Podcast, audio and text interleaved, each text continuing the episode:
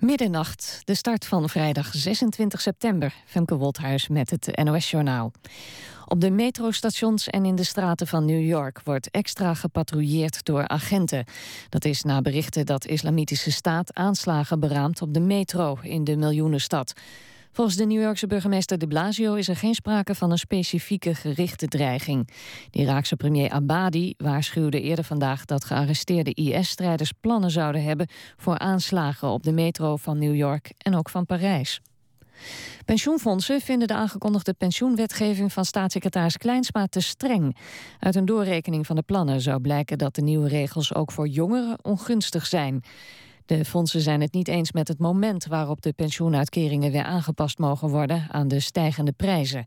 Ook een aantal Kamerleden vindt een aanscherping van de regels nodig. Nederland krijgt definitief weer een ambassadeur in Suriname. Suriname heeft ingestemd met een ambassadeurschap van Ernst Noorman. Hij is sinds juni vorig jaar al tijdelijk zaakgelastigde op de Nederlandse ambassade in Paramaribo. De vorige ambassadeur werd teruggeroepen toen de amnestiewet in Suriname werd verruimd. Daardoor gingen de verdachten van de decembermoorden onder wie Desi Bouterse vrij uit. Suriname stuurt nu ook weer een ambassadeur naar Nederland. En vanavond is de loting van de derde ronde van de KNVB-beker geweest. Kampioen Ajax gaat in de derde ronde van deze beker op, zoek bij, op bezoek bij amateurvereniging FC Urk. Ehm, SV Urk. Ajax mag geen publiek meenemen vanwege eerdere ongeregeldheden tijdens de bekerfinale. PSV speelt in dezelfde ronde een uitwedstrijd tegen Almere City FC uit de Jupiler League. En FC Twente neemt het in Deventer op tegen Go Ahead Eagles, die gisteravond Feyenoord uitschakelde. En dan het weer, vooral in het noorden en het oosten valt nog wat regen. De rest van het land houdt het droog. En morgen is er eerst wat zon, daarna vanuit het westen opnieuw regen... en het wordt 17 tot 19 graden morgen. Dit was het NOS Journaal. NPO Radio 1. VPRO. Nooit meer slapen.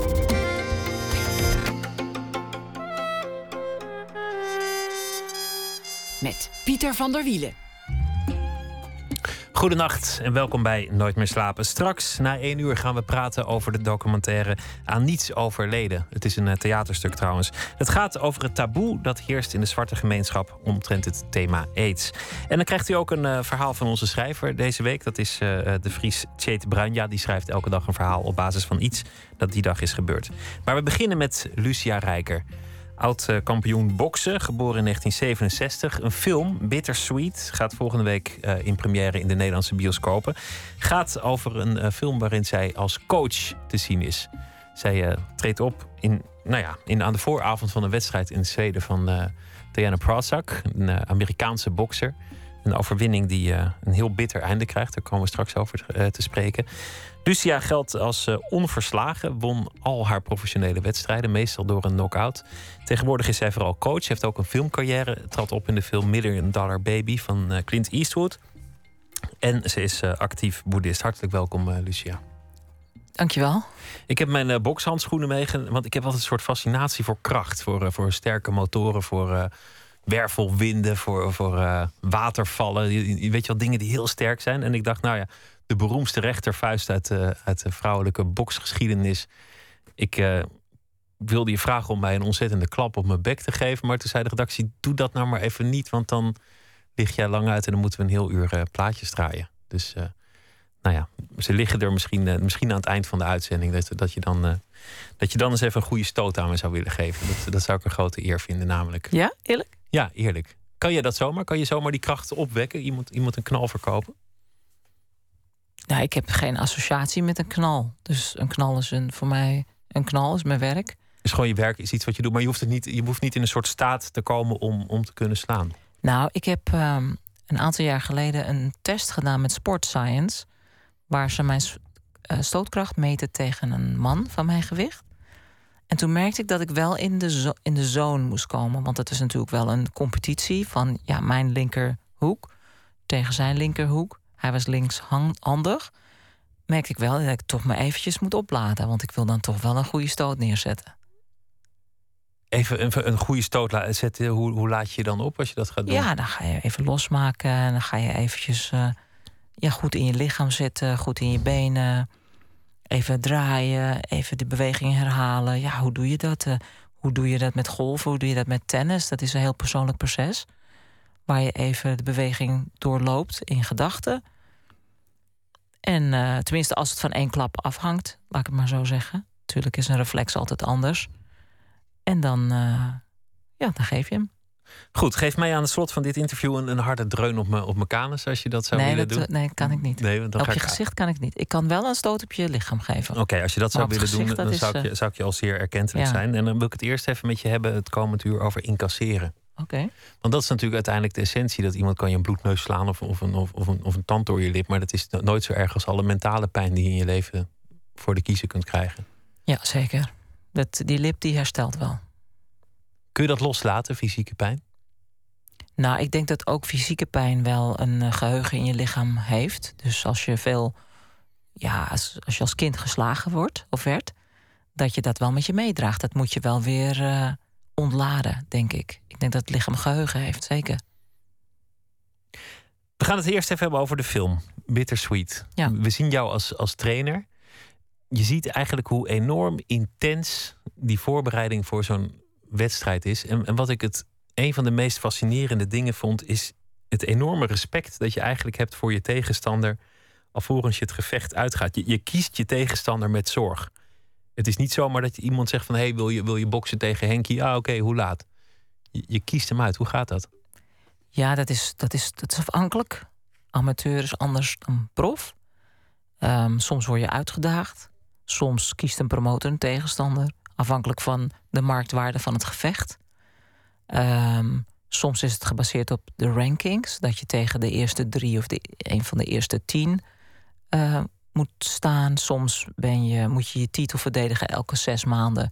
En dan he, hebben de eerste drie of de nummer twee, drie en vier hebben dan een kans om je uit te dagen. Dus dat is een pro proces afhankelijk waar je bent en of je kampioen bent of niet. Komt er haat bij kijken naar die tegenstander? Moet je je tegenstander haten of vrezen of, of juist niet? Um, niet je tegenstander, maar wel hun wapens. Dus je hebt geen persoonlijke haat naar iemand, maar je vreest wel hun wapens. En hun wapens zijn in het geval van boksen bepaalde technieken die zij ja, beheersen. Um, er is natuurlijk altijd een angst als je tegenstander veel knockouts heeft om knock-out te gaan. Uh, als iemand conditioneel heel goed is om vermoeid te raken en daardoor zelf knock-out te gaan. Um, ja, er komen heel veel factoren kijken natuurlijk bij uh, zo'n gevecht. Aan het begin, dan, dan vraagt jouw uh, pupil, die stelt de vraag op, op een intens moment: waarom doen we dit eigenlijk? Dat vond ik een hele goede vraag. Kijk, mijn pupil is natuurlijk ook wel een exceptional uh, situatie. Waarom? Zij is laat begonnen. Als je laat begint met een sport zoals boksen en je hebt al een carrière, zij zit in de computers, dan heb je een keus. Dus op het moment dat je dan voor zo'n gevecht staat, dan ga je twijfelen. Dan denk je, ja, maar ik kan toch iets anders doen? Waarom heb ik dit eigenlijk gekozen? Dus dan gaat zij zich afvragen, waarom doe ik dit? En het is, ja, dat komt ook vaak kijken bij natuurlijk angst. Waarom doe ik dit? Als je iets doet waar je bang voor bent, dan ga je in één keer twijfelen. En dan, ja, dan, moet je, dan ga je dat onderbouwen, die angst. Van waarom doe ik dit? Ik lijk wel gek. En, en ja, dan moet je een nieuw, nieuwe gedachten kiezen waarom je dit doet, wat het je geeft. En soms kan je dat niet zien als je angst overheerst. Dan denk je alleen maar, het lijkt wel gek. En die spanning en weet je, ja, er kan van alles gebeuren. Ja, dat risico hoort erbij. Maar het risico, dat neem je bewust en onbewust voor een reden. Omdat je dat, dat maakt het spannender. Maar waarom, waarom zou iemand het willen? Wat is het? Want zelf hecht ik enorm aan comfort in het leven. En, en nou ja, geslagen worden, hoewel ik het ook wel weer fascinerend vind, is, is niet echt een bron van comfort. Het enorme trainingsschema, de enorm lange dagen. Het, lichaam dat, dat perfect op gewicht moet zijn. Dus, dus je moet elke ui die je naar binnen werkt, die, die wordt gecontroleerd door je trainer. Waarom doet iemand het uiteindelijk? Waarom kies je daarvoor? Wat is de beloning? Nou ja, ik, kan, ik, kan, uh, kan het alleen maar naar mezelf terugbrengen.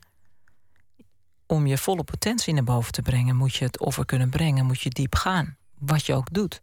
En als jij ervoor kiest om te boksen, dan dwingt het je om je volle potentie naar boven te brengen. Het is niet een sport wat je halfbakken kunt doen. Er zijn veel dingen in het leven die kun je doen. Daar heb je oorzaak en gevolg. Als jij een, uh, ongezond leven leidt, dan krijg je misschien over 30 jaar last van je hart en je bloedvaten en ja, je suikerspiegel. Uh, met boksen, als je dus uh, niet, hard, niet goed traint, niet hard traint, zeker tijdens die voorbereiding niet op je eten en je training let, dan heeft dat meteen gevolgen voor je. Dus het is oorzaak en gevolg. Als je niet lekker in je vel zit, niet gefocust bent, meteen word je meteen gestraft. En in het leven zelf kun je heel lang ja, wegkomen met uh, de kantjes eraf lopen. En dat gaat niet in het boksen. Is dat de beloning dat het leven puur wordt en direct? Ja. Dat je het resultaat ziet? Heel ja, weinig mensen in het leven eh, duwen zichzelf tot het uiterste. Want het hoeft eigenlijk niet. We hebben een goed leven in het Westen. We hebben alles. En op het moment dat je het moet onthouden, kijk maar hoe, hoeveel mensen niet een dieet vol kunnen houden. Dus het, het ontzien van iets wat je fijn vindt, dat, dat is bijna niet meer mogelijk. Vasten doen we niet meer, dat is ouderwets. Dus het, jezelf ontzeggen van iets, ja, dat hoort ook bij het boksen. En dat ja, zuivert je. Dat, dat is inderdaad een, iets wat heel veel mensen niet zo hebben. Je wil stoppen met roken, maar je rookt weer. Dus, dus eigenlijk gaat het allemaal om die overwinning. Je gaat als het ware al op het punt van die overwinning staan. Je redeneert terug en daar leef je maandenlang naartoe. Het voorschot op die roes van die overwinning. Dat is ook persoonlijk, denk ik wel. De een doet een aanloop. Ik deed altijd visualiseren, dus hoe ik wilde zijn. En daar werkte ik naartoe. Ehm, ja, soms neem je het één dag tegelijk en dan stapgewijs er naartoe. En dan bijsturen. Ehm, ja, het is een heel persoonlijk proces. Ook met uh, ups en downs. En de show must go on. Dus of er nou een down is of een up, de show must go on. Waar je of je nou geblesseerd bent of niet. Tenzij het een blessure is die echt de dokter zegt van nou, dit kan niet. Maar 9 van de 10 gevechten ging geblesseerd in. Dus dat hoort er ook bij. Dat moet je ook weer mentaal overwinnen. Een, een eh, fysiotherapeut van mij, André van Commenee, die zei altijd... als ik gestrest was over een blessure, zei hij... ik ken niet één atleet die niet geblesseerd een wedstrijd ingaat. Nou, dan wordt het alweer normaal. Oh, het is dus gebruikelijk. Dat je geblesseerd een wedstrijd ingaat. Oké, nou, en andere handicaps, want dit was een, een uitwedstrijd in Zweden tegen een, uh, een vrouw die daar populair was. De organisatie leek ook een beetje aan haar kant te staan. Althans, er was ongemak over kleine dingen als de afstand van het hotel naar de, naar de arena, de vliegtickets, een rechtstreekse vlucht naar Stockholm of via Timbuktu of waar dan ook, waardoor je al gebroken aankomt. De strijd wordt op vele vlakken gevoerd eigenlijk. Ja, het gaat veel verder dan alleen de vuisten. Ja, het is, het is echt dan ook een vak waar je in meegelopen moet hebben om, om het te begrijpen, zou ik maar zeggen. En dan weet je alle trucken, weet je alle klappen van de zweep en alle trucken. En uh, dan zie je wat er allemaal mis kan gaan en hoe ze je kunnen verzwakken. En het begint ook het begint op het moment dat je het contract tekent, of voor je het contract tekent, begint de strijd al. Ja, dat je, je de rechten van je vechter gaat behartigen en beschermen. Um, op het moment dat je dan getekend hebt, ja, dan komt het trainingskamp en dan kan er nog van alles misgaan, zou ik maar zeggen. Uh, en dan krijg je de persconferentie en de weging. En dat is ook allemaal mentaal.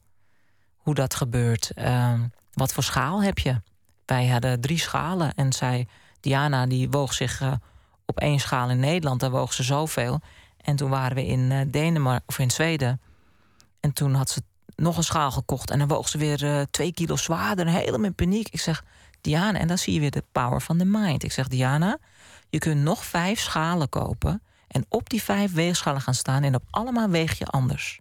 Het gaat erom dat je, wat weeg je op de schaal die gebruikt wordt op de dag van de weging. Dat is het belangrijkste. En dan kun je wel nu gaan zitten stressen. Dat heeft geen zin tot we weten welke schaal gebruikt wordt. Waar je nu wel macht over hebt, is je voedsel en je training. Waardoor je probeert zo lean mogelijk te zijn. En dan te kijken of ik kan regelen dat we een pre-weging kunnen hebben, waardoor ze eerder op die weegschaal kan. Maar dat is het interessante. Stress gaat ergens naartoe. Stress zoekt een punt, zoals, als water naar het laagste punt gaat. Je, je bent opgewonden vanwege de situatie. Je, je gaat namelijk vechten tegen iemand die daar heel goed in is. Maar de stress die, die gaat naar andere uitwegen. Die, die richt zich ineens op een weegschaal. Ja. Of op een vliegticket of op een hotel of, of noem het maar. Ja, ja dat, eh, dat is natuurlijk allemaal uh, controleverlies. Dus je wil controle hebben over iets. Of dat nou je gewicht is, of dat nou de manier waarop je behandeld wordt is. Of de gebruikelijke manier. Dat zie je ook in die film waar ik het waar ik even helemaal los ga, want ik heb het helemaal gehad. Het is een soort opbouw van frustratie. Dat ik denk, en nu is het afgelopen. Toen zei ik ook van, what's my bottom line? Dat betekent, hoe ver laat ik deze man gaan? En ik zei tegen Diana, wat is our bottom line? Dus als hij ons allebei op een andere vliegticket vliegt, dan ga ik niet. Dan moet je maar een andere trainer huren. Dan heb ik het gehad. Want dat is niet onder mijn standards, denk ik. En toen hij dat dus deed, ja, toen had ik het gehad. En uiteindelijk, toen ik hem dat dus vertelde, toen kreeg ik in één keer rechtstreeks tickets. Boem, is het afgelopen. zeg ik, en nu is het afgelopen. En het was eigenlijk gewoon een, een onervarenheid van de promotor, wat later ook blijkt in de film. Een onervaren promotor maakt ook fouten. Um, in Amerika mag je als promotor niet ook de manager zijn en de matchmaker. En uiteindelijk was hij ook de vriendin van Frida. Dus dat is, allemaal illegaal in Amerika. Maar andere landen mag dat wel. De organisatie die, die aan de ene kant staat en, en wel heel direct. Ik weet niet of ik het einde van de film moet verklappen. Of, nou, weet je, laat het wel doen. Want nee, de mag niet. Mag niet? Nee, daar mag ik niet over hebben. Oké, doen we het niet. Hoe, hoe, kijk je naar de film? Kan jij deze film zien? Hij komt op een groot doek. Jij zit in die zaal, kan je zo onbewogen naar die film kijken? Nee. Ik, uh, ik ben nu al. Als ik eraan denk, voel ik het in mijn hart. De opening van de film is zo heftig voor mij. Dat ik het uh, opnieuw zal ervaren. En ik weet niet hoe, want het is bijna toch een goed jaar geleden dat ik de film voor het laatst heb gezien. En nu op een groot scherm. Dat geluid is harder. Dat komt echt harder binnen. Ik weet het niet ik, uh, ik ben benieuwd hoe ik, hoe ik erop ga reageren. Hoe dat nu voelt voor mij.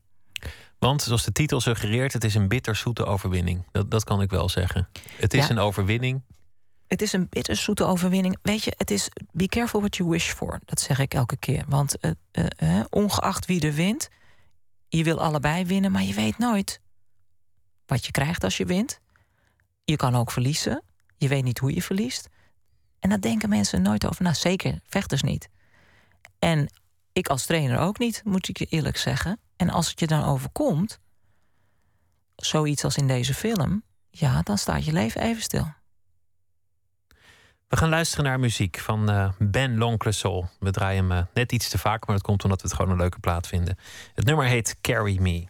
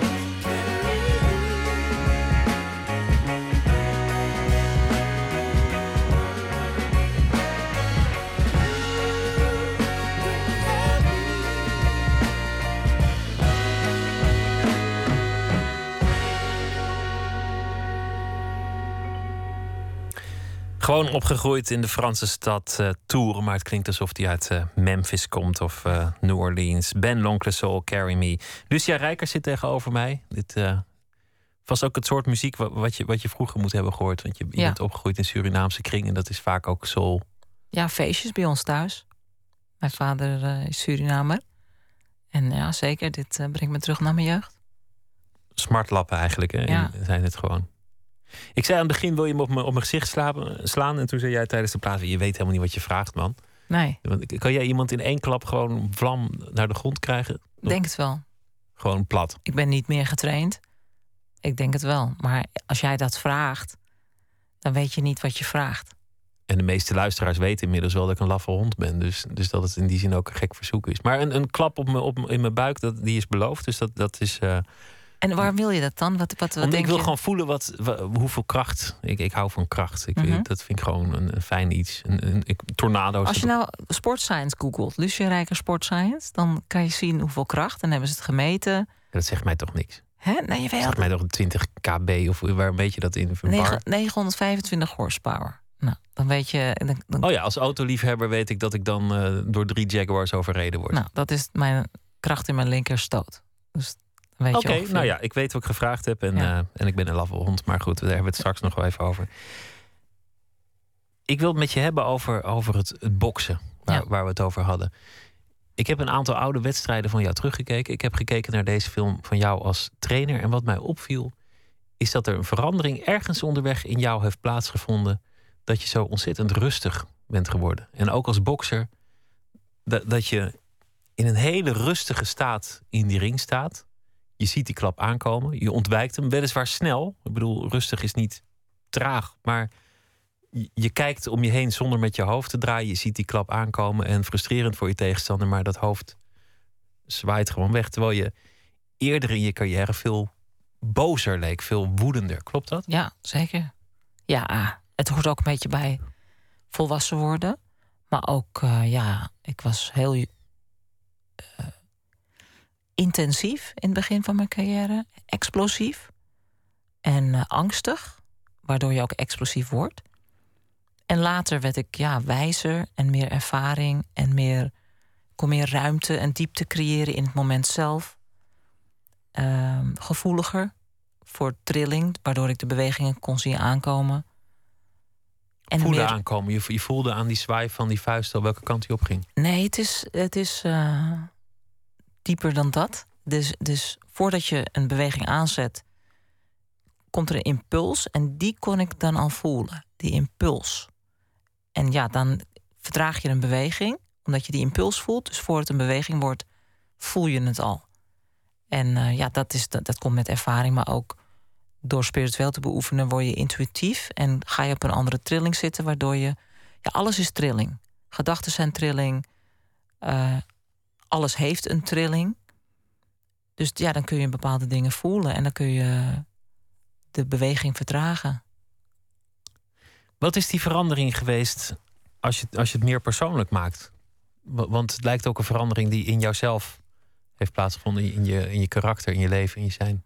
Ja, ik heb me ook verdiept. Ik was uh, best oppervlakkig en uh, ik denk dat ik toen ik boeddhisme ben gaan beoefenen, waardoor ik ja, verder ging kijken dat mijn neus lang was, dat ik heel langzaam me toch ben gaan verdiepen en transformeren. En ja, me gaan, meer gaan openen en gevoeliger worden voor dat wat je niet kunt zien met het blote oog. Um, meer kijken naar wat het leven werkelijk is, wat dat dan ook is. Uh, in plaats van, ja, nogmaals, niet verder kijken dan je neus lang is. En ik denk dat dat me verdiept heeft en waardoor ik wat meer vertrouwen gekregen heb, ook in een gevecht.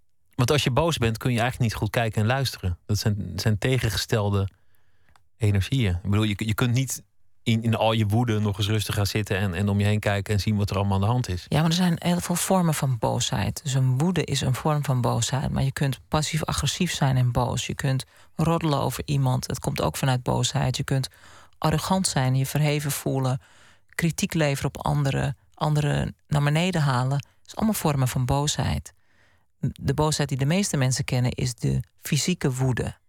Dat is een vorm van boosheid, maar er zijn veel vormen van boosheid. Uh, En daar is woede er één van. En in woede inderdaad kun je, ben je niet scherp. Maar er zijn andere vormen van boosheid waar je nog wel scherp bent. En die woede kun je kanaliseren, waardoor je er waarde mee kunt creëren.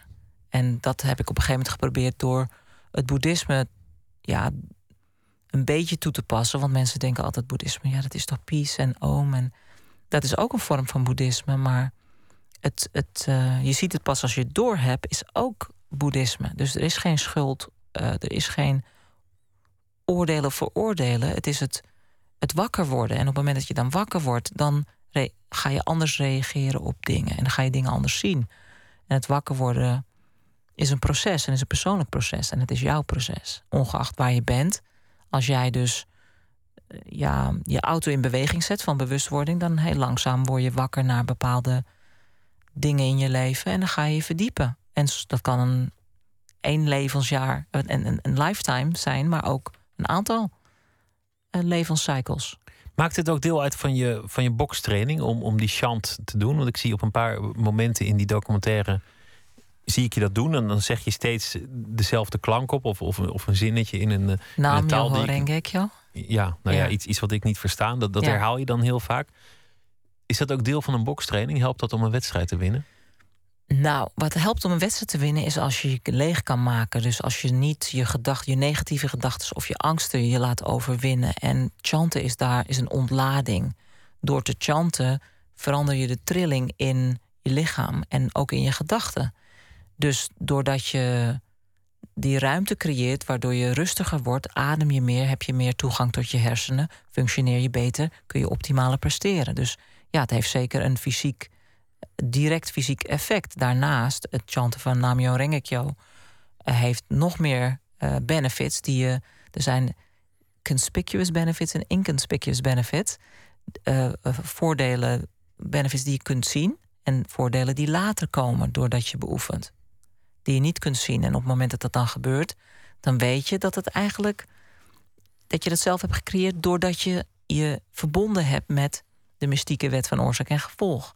Boom. En dan het is best gecompliceerd, maar dat is wat je doet als je gaat chanten. Dus het is, je kunt ook ademhalingsoefeningen doen. Je kunt ook affirmaties doen. Er zijn vormen van yoga waar je de breath of fire doet, waardoor je ook uit je hoofd kunt gaan en ook je frequentie kan veranderen. Je kan een ijsbad nemen.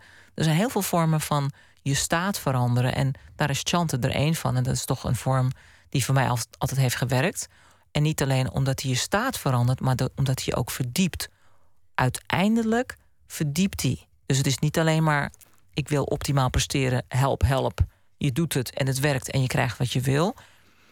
Je hebt die inconspicuous benefits, waardoor je wakker wordt langzaam van binnen. Ga je op een gegeven moment je leven aanpassen. En, dat is dus die verandering van iemand die, die mapt en, en agressief is naar iemand die gewoon door, ja, door een soort staat van het brein eigenlijk het proces weet te vertragen en daardoor gewoon die vuist van die ander met een zekere rust lijkt, lijkt te ontwijken. Ja, dat was mijn proces. Dus dat is ook weer een uniek proces, want iedereen een andere bokser heeft weer een ander proces. Die bijvoorbeeld zou gaan chanten of spiritueel beoefenen, die heeft weer zijn proces.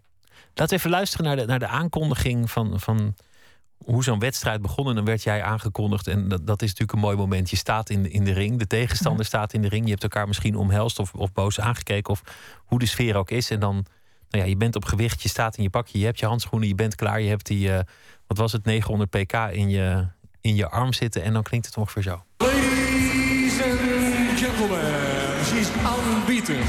She's undefeated after 16 fights. Champion of the world. She's back home here in the Netherlands. Lucia Rijken. Zo.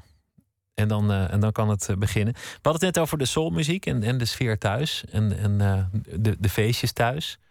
We hebben het ook terloops gehad over incasseren. Dat, dat je meer in het leven kunt incasseren dan een bloedlip of een, of een gebroken neus.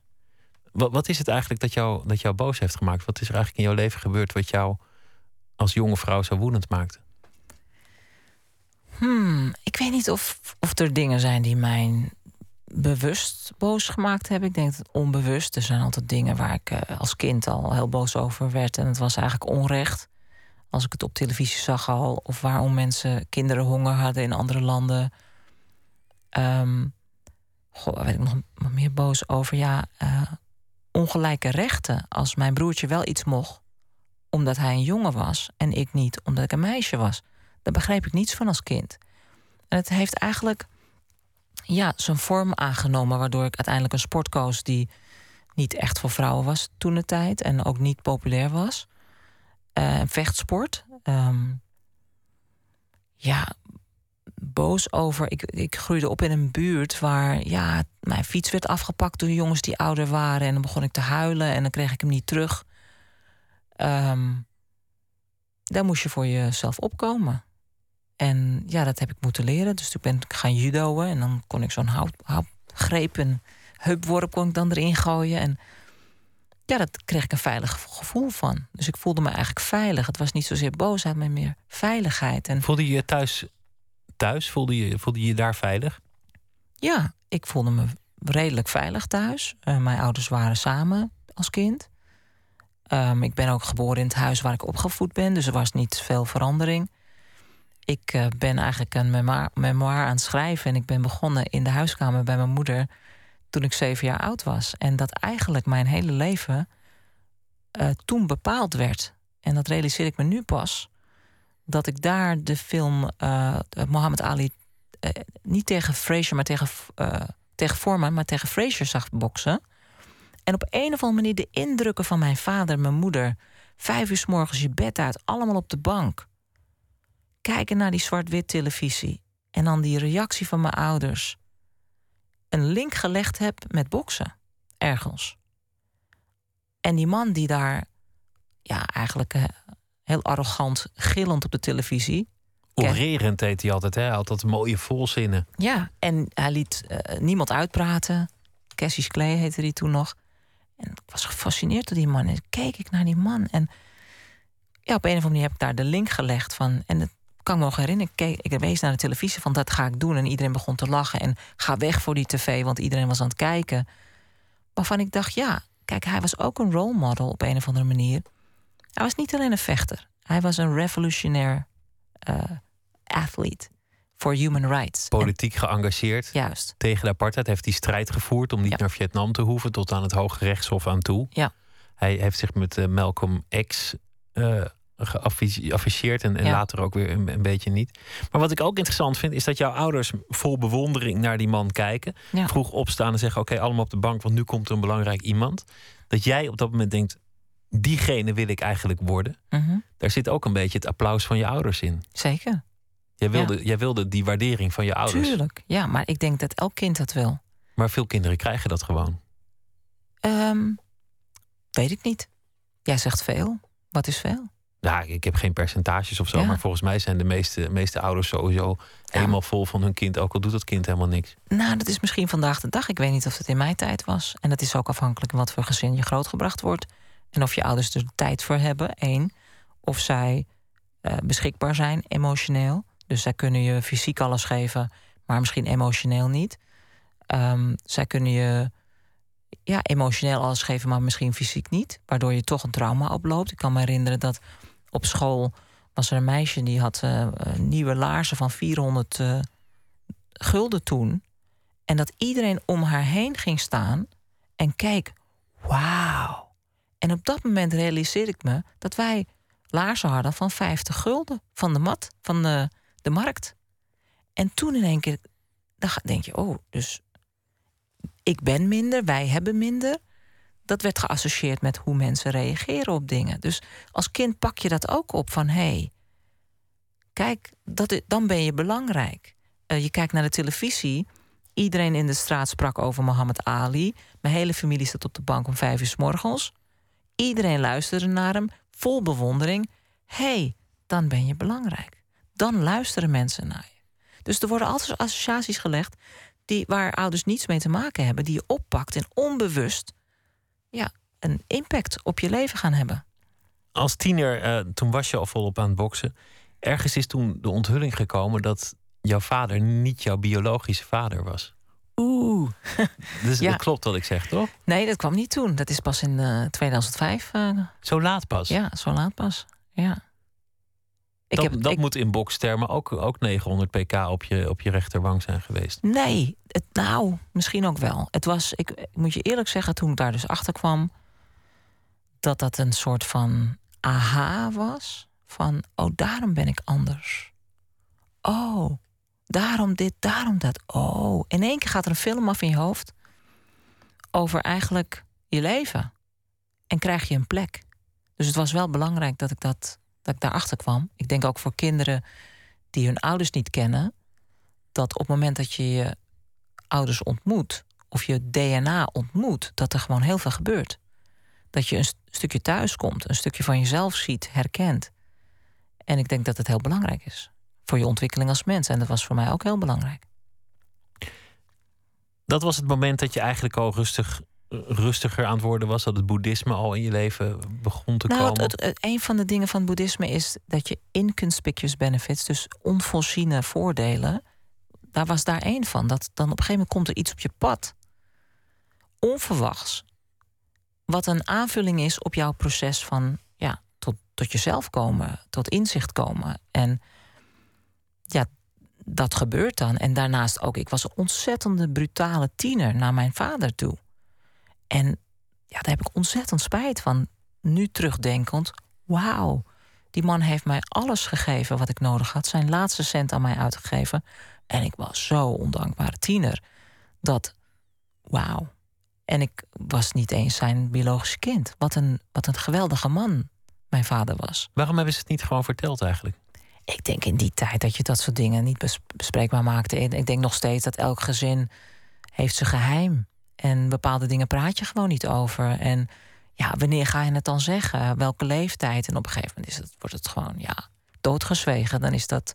Is het gewoon zoals het is en het moment is voorbij? Ja, en je bent zoals je bent. En je bent gewoon mijn kind. En dat is het. En eh, niet wetende natuurlijk. Hè, want mijn moeder had dat zeker wel verteld als ze geweten had... Wat, hoe belangrijk dat voor mij geweest zou zijn. Eh, De aanvulling op je identiteit. Er komt heel veel schaamte bij kijken bij een geheim. En daar- daardoor is het ook een geheim. Maar niet weten hoe, als je een geheim, een familiegeheim onthult... hoe dat bevrijdend werkt. En, en hoe belangrijk dat eigenlijk is. Voor iedereen die, die betrokken is bij het geheim. Dan ben je een, een vrouw, een tiener, met, met, met toch heel weinig bagage en levenservaring, in de wereld van het boksen. En dat is niet altijd een zacht, zachtaardige wereld. Dus er lopen vast hele aardige mensen in rond, maar het, het lijkt me toch ook, ook een, nou ja, een, een woeste omgeving, laat ik het zo zeggen. Hoe, hoe is dat gegaan? Nou, een, een woeste omgeving, ik weet het niet. Eh, Als kind, als je grootgebracht wordt in een gezin, ben je blij met elk speelgoed. En in de ogen van een ander kan dat misschien speelgoed zijn wat niet het dure of het hè, de, de, de latest greatest is, zal ik maar zeggen. Maar als kind ben je daar blij mee en, en je weet niet beter. Dus ik denk dat alleen als je gaat analyseren vanuit een therapeutisch perspectief, dat je dan jezelf zielig gaat vinden of je slachtoffer vindt. Maar als je vanuit boeddhisme kijkt en je kijkt naar dat je leven gaat zoals het gaat. En dat het dan aan jou is wat je ervan, wat je, ervan maakt. Als je in de modder eh, groeit, dan heb je sterke wortels.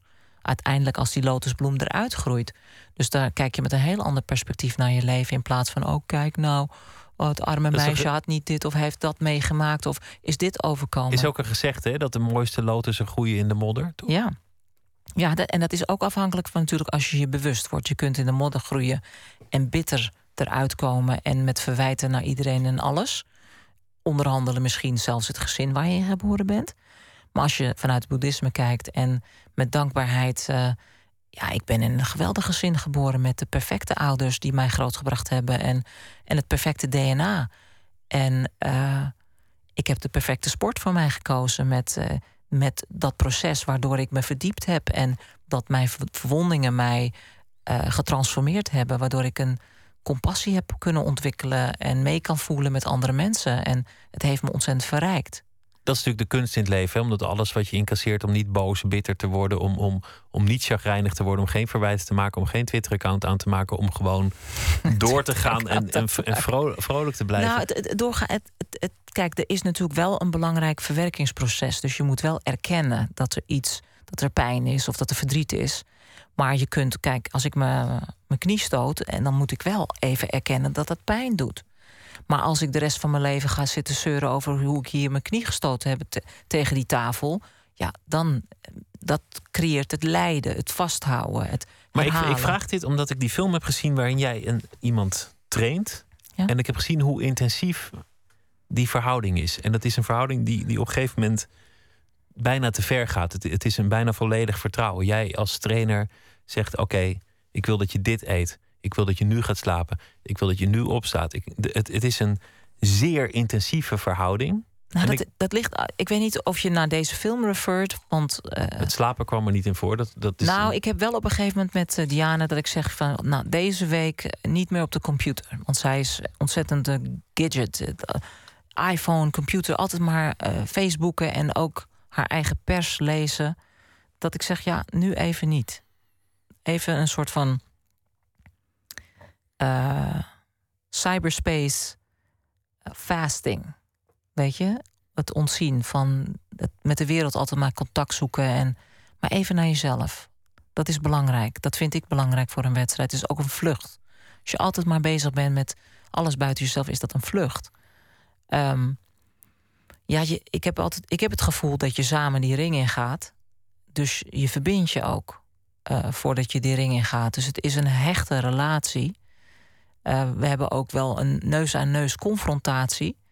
Eh, Dat zijn frustraties hè, die dan naar boven komen. Is ook belangrijk, want voordat je die ring gaat, moet je een vertrouwensband hebben. Als ik resentments harbor, dus vasthoud aan wrok, kan ik niet optimaal coachen.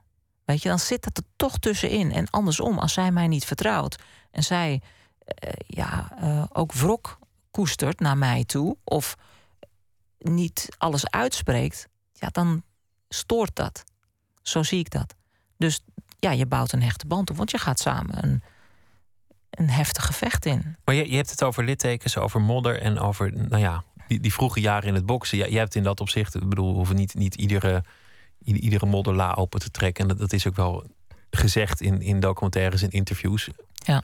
Op, op ieder vlak waar, waar een trainer jou in had kunnen belazeren, is dat ook wel gewoon gebeurd. Tot aan misbruik maken van machtsposities aan toe. Ja. Is dat te vermijden voor een jonge sporter? Ik zit in de WBC. eh, ja, dat is een, verga- een vergadergroep waar vrouwen kunnen bellen als er misbruik is van hun trainer. Maar met name nu alleen nog kampioenen. Die kunnen dan bellen als er seksueel misbruik is van een trainer. Dat is belangrijk dat vrouwen weten dat dat mogelijk is. Eén. Ehm, of emotioneel misbruik, want die grens die is, is een fine line. Eh, daarnaast is er ook een stukje. Ik, ik, ben bezig om trainingen en seminars te geven. Ook voor de WBC, dat is een grote bond. Eh, die heb ik nu misgelopen omdat ik hier ben voor de eh, première. Waar vrouwen ook leren hun grens aan te geven. Eh, hun grens te bewaken. Want de verantwoordelijkheid ligt bij allebei. Eh, bij de trainers, die ook moeten leren dat ja, je hebt een hele hechte band. Maar het is niet je vriendinnetje en het is niet je vrouw. Dus dat is best moeilijk, want je spandeert meer tijd met je pupil dan met je eigen vrouw. Dus dat zijn belangrijke dingen om te leren. Die grens, waar ligt die grens? En ook voor de pupil, want het ligt niet alleen bij de trainer. Er zijn, en met name volwassen vrouwen ook. Ik, ik, als het gaat om minderjarige kinderen, is dat belangrijk om die te beschermen. En dat volwassen, die volwassenen de kinderen beschermen. De ouders, een bond. ehm, maar als het gaat om volwassen vrouwen ook. Ik zie ook bij ons op de sportschool dat vrouwen ook hun seksualiteit misbruiken om eh, trainers te manipuleren. Ik zie dat trainers dat ook doen. En vooral in het vrouwenboksen zijn er ook vrouwen die denken: als ik mijn trainer manipuleer, dan werkt hij harder voor me. Omdat het vrouwenboksen nog niet zoveel geld oplevert. eh, is dat ook een wapen, zou ik maar zeggen. En er kan natuurlijk ook natuurlijk iets ontstaan in zo'n intensieve samenwerking. Ja, dat gebeurt ook. Er zijn ook eh, relaties tussen trainers en hun pupillen. Ehm, dat is een persoonlijke keuze. Ik denk dat het je kan belemmeren als je een trainer hebt die een, eh, gelimiteerd is in zijn kunnen. Dan kan ik je garanderen dat op het moment dat je, dat je hem outgrown, sorry voor mijn Engels hoor, ik ben net terug. Dat je dan niet naar een andere trainer kan gaan, omdat hij dat als verraad ziet als jij eh, verbonden bent met hem op een intiem gebied. Überhaupt is het hard voor een vechter om zijn trainer te verlaten. Voor mannelijke vechters die hun amateurtrainer verlaten. Dat is verschrikkelijk, omdat die band zo gehecht is. Maar ik denk met een man-vrouw dat het nog dieper gaat. Dat het verlaten van je eerste vriendinnetje getriggerd wordt of zoiets. Dus er was ook uh, laatst een, uh, een incident was in Duitsland van een meisje die was in de handen geschoten door haar. Ik weet niet of het haar vriend was of de manager. Dus dat, dat kan best heftig oplopen. Omdat het zo'n band is, triggert het natuurlijk ook alle andere verwondingen die je hebt voordat je zo'n band aangaat. Dus dat is best wel uh, complex. Kijk je er wel eens op terug, alle klappen die je hebt gevangen, zowel psychisch als vooral toch ook wel gewoon fysiek. En zou je dat nu nog kunnen? Denk je wel eens aan, aan jezelf in je bokscarrière en denk van goh, ik, nou, ik zou nu zo'n klap denk ik toch niet meer willen krijgen? Nee, ik zou nooit meer op mijn hoofd geslagen willen worden. Heel verstandig. Laten we gaan luisteren naar uh, muziek. De Amsterdamse muzikant uh, Susanne Linsen heeft een band opgericht, Beginners. En het liedje dat we draaien heet Miss You More.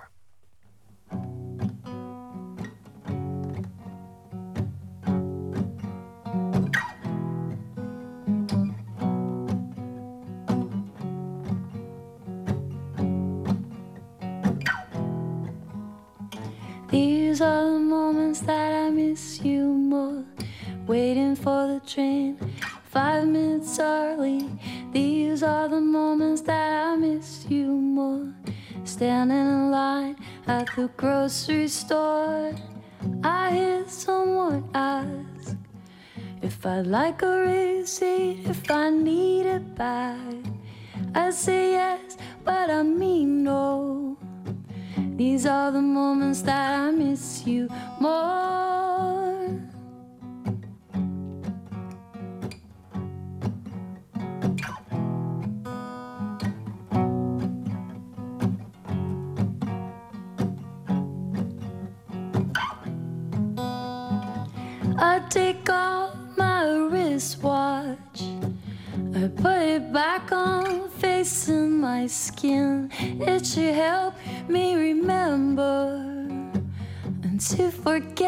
Still.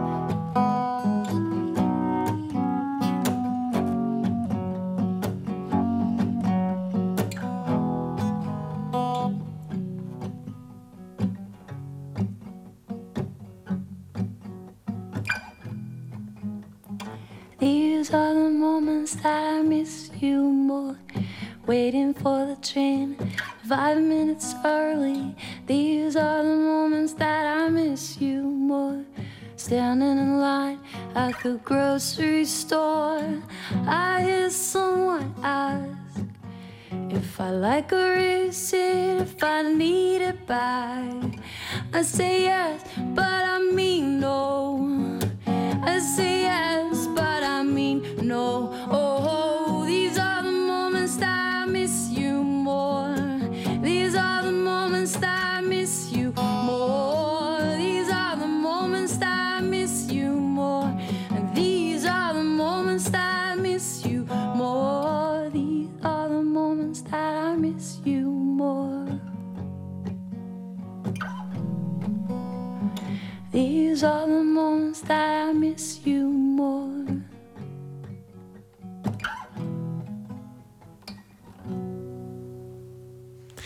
Beginners met Susanne Linsen, Miss You More. Lucia Rijker, ik wil het ook hebben over film. Want een van de dingen die je nu doet, naast het trainen van boksers, trainen van andere mensen, ook op, op andere vlakken. Want bokswijsheden gelden ook in uh, het zakenleven of elders natuurlijk. Of Ja, in ieder aspect van het leven. Ja. Maar film is ook iets waar je heel actief mee bent geweest. En ik denk het hoogtepunt van je filmcarrière tot nu toe is Million Dollar Baby. Althans in, in, in zin van rijkwijde en, en aandacht. Ja. Hoe, hoe, is dat, hoe komt zoiets? Clint Eastwood, dat is toch echt wel een legende? Hoe, hoe, Ja, een hoe komt hij bij jou? Hoe gaat zoiets? Ja, ik woon in, in Hollywood. En eh, ja, ik vind acteren vind ik gewoon heel mooi. Ik vind het... eh, het is een vak. Je moet er net als boksen 100% voor gaan en alles voor laten. En ehm, mijn ego was iets te groot voor Hollywood, denk ik. Omdat ik al gevormd was als een vechter. Lijkt me toch wel een, een, een circuit waar een beetje ego wel door de deur past, toch? Ja en nee, dat ligt aan wat voor ego. Ik denk dat je zo zelfverzekerd moet zijn dat je alle afwijzingen aan kan. En omdat ik al gevormd was in mijn ego van ik ben iemand, want ik heb eh, zoveel titels, dat ik me niet, eh, ja, dat Lucie Rijker al gevormd was. En ik denk dat je toch als water flexibel moet zijn en elke keer een andere rol aannemen, een andere persoon en, en ook meegaand naar de regisseur en er alles voor willen laten en doen, zoals ik dat met het boksen had, had ik niet met het acteren. Ik vond het, ik was eh, getalenteerd en passie, maar er alles voor laten, hmm. ik, had, ik had best wel moeite met. eh, Dat geeft je ook wel een onderhandelingspositie als je niet zo nodig hoeft. Nee, niet in Hollywood hoor. Nee, dan denk je gewoon van nou, dan bel ik toch lekker iemand anders. Ja. Is goed met je. Ja. Maar hoe gaat het dan als Clint eh, Eastwood belt? Die, die belt waarschijnlijk jouw agent of jouw, jouw kantoor. Of ik neem aan dat je Nee, iemand daarvoor nee. hebt. Nee, dat ging anders. Ik, eh, ik had een agent en die had me wel verteld over een film die heette Million Dollar Baby. En ja, dat, die had nog geen vorm, dus dat was een beetje een rare naam. Daar kwam ze niet meer op terug. Toen kwam een, een vriendin van mij, die belde me op en die zei... Ik heb net een auditie gedaan, dit is echt een film voor jou. Hier is het nummer, bel die casting director.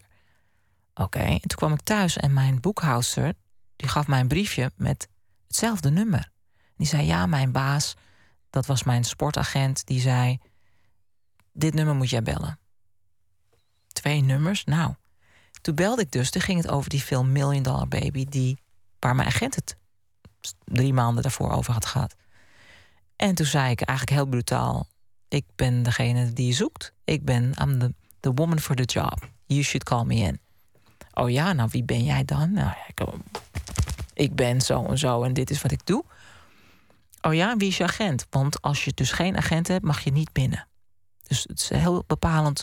Als je een grote agent hebt, mag je voor een grote auditie. Heb je geen agent met contacten, kom je niet binnen. Dus ik zei van... eh, ehm, ja, wat is het ook weer? eh, nou, ik weet de naam even niet.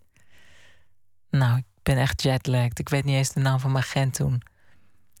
Eh, Sarah Raymaker was mijn agent. Maar de naam van het agentschap ben ik even kwijt. Maar was dat, een, was dat zo'n grote naam die je binnenliet? Of was dat... eh, Ja, Ja, het is dat belangrijk. was wel goed. Ja, op het moment dat ik haar, als ik haar naam niet kon noemen, kom je niet binnen. Want iedereen wil wel een auditie doen voor zo'n grote film.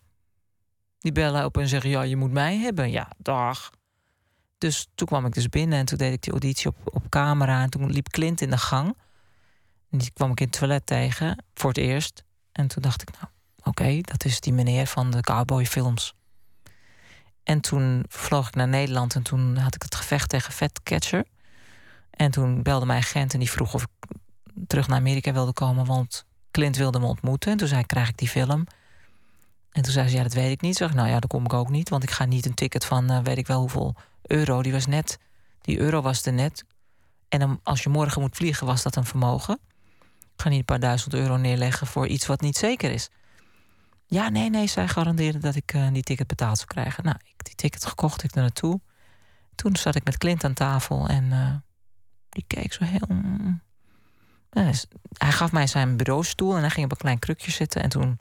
Ik, eh, ik was net weer wereldkampioen geworden. Dus ik st- stond daar een beetje op mijn borst te slaan wie ik was en wat ik deed. En ik had niemand nodig. Zo zat ik daar. En dat was eigenlijk mijn kracht. Toen keek hij zo. Toen vertelde ik hem waarom, waarom hij mij moest kiezen. Vertelde ik gewoon. Hmm, toen keek hij zo. En al die regis, of die, al die producers in de kamer waren allemaal stil.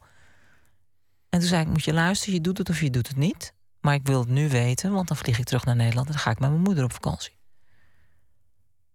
En toen zeiden ja, we doen het. maar je mag geen make-up en I have to throw a bucket of water over you because you're too pretty for the part. Wauw. Oké.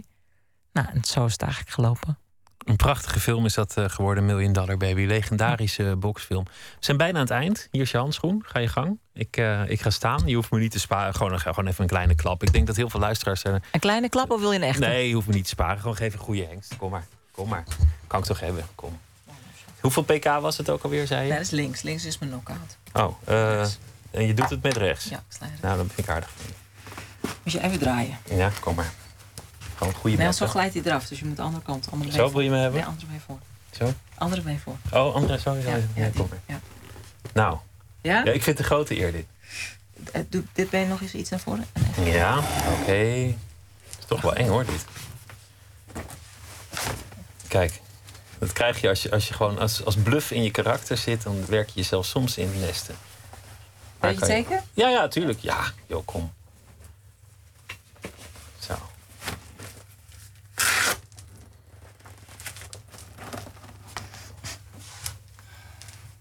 Waarom draai je je lichaam? Wil je lichaam recht? Ja, dan kan ik er beter inslaan.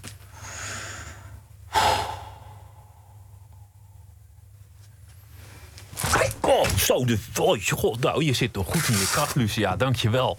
Holy. nou, dit was Nooit meer slapen. Zometeen uh, gaan we verder met... Uh... Zo, hé, dat, is een, dat, is een, dat is een lekkere... Poeh, hengst. Ik voel hem. Dankjewel, Lucia Rijker. Het was leuk om je te gast te hebben. Een grote eer om een keer een, een, een flinke knal van je te mogen ontvangen. Uh, Twitter, @vpro_nms. Nooit meer slapen, vpro.nl.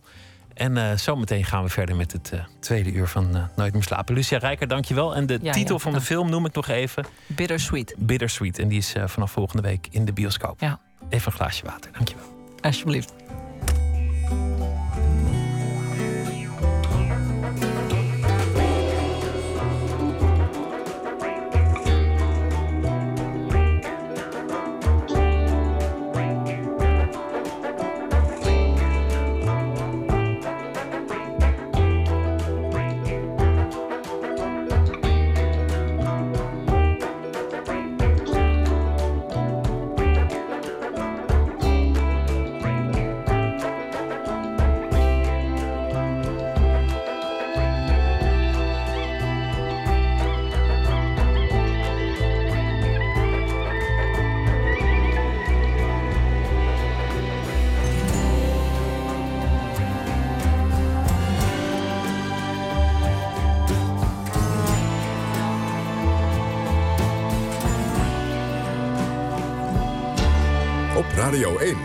Nieuws van alle kanten.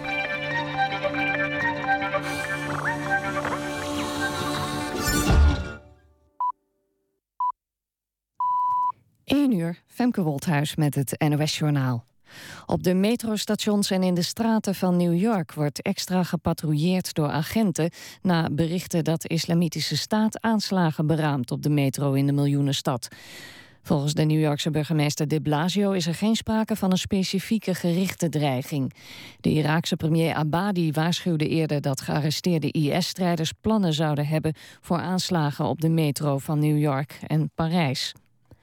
Burgemeester Van Zanen van Utrecht en de Utrechtse gemeenteraad zijn boos over de uitzetting van een Somalische man uit het asielzoekerscentrum in de stad. De uitgeprocedeerde Somaliër werd woensdagochtend door de vreemdelingenpolitie uit het centrum gehaald na een zogenoemde aanwijzing van staatssecretaris Teven. Dat gebeurde buiten medeweten van de burgemeester omdat de gemeente niet wilde meewerken aan uitzetting. Van Zanen gaat de zaak met andere burgemeesters en met de Vereniging van Nederlandse Gemeenten bespreken. Pensioenfondsen vinden de aangekondigde pensioenwetgeving van staatssecretaris Kleinsma te streng. Uit een doorrekening van de plannen zou blijken dat de nieuwe regels ook voor jongeren ongunstig zijn. De fondsen zijn het niet eens met het moment waarop de pensioenuitkeringen weer aangepast mogen worden aan stijgende prijzen. Het hoofdbureau van politie in Den Bosch is sinds middernacht weer open. Het pand werd gisteravond deels ontruimd vanwege een mogelijk explosief.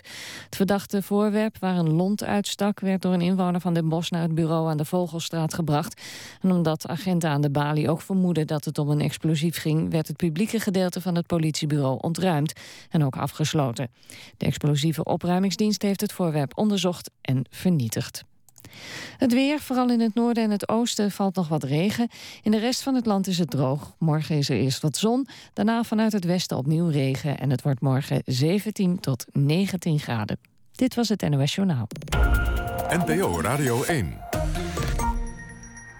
VPRO. Nooit meer slapen.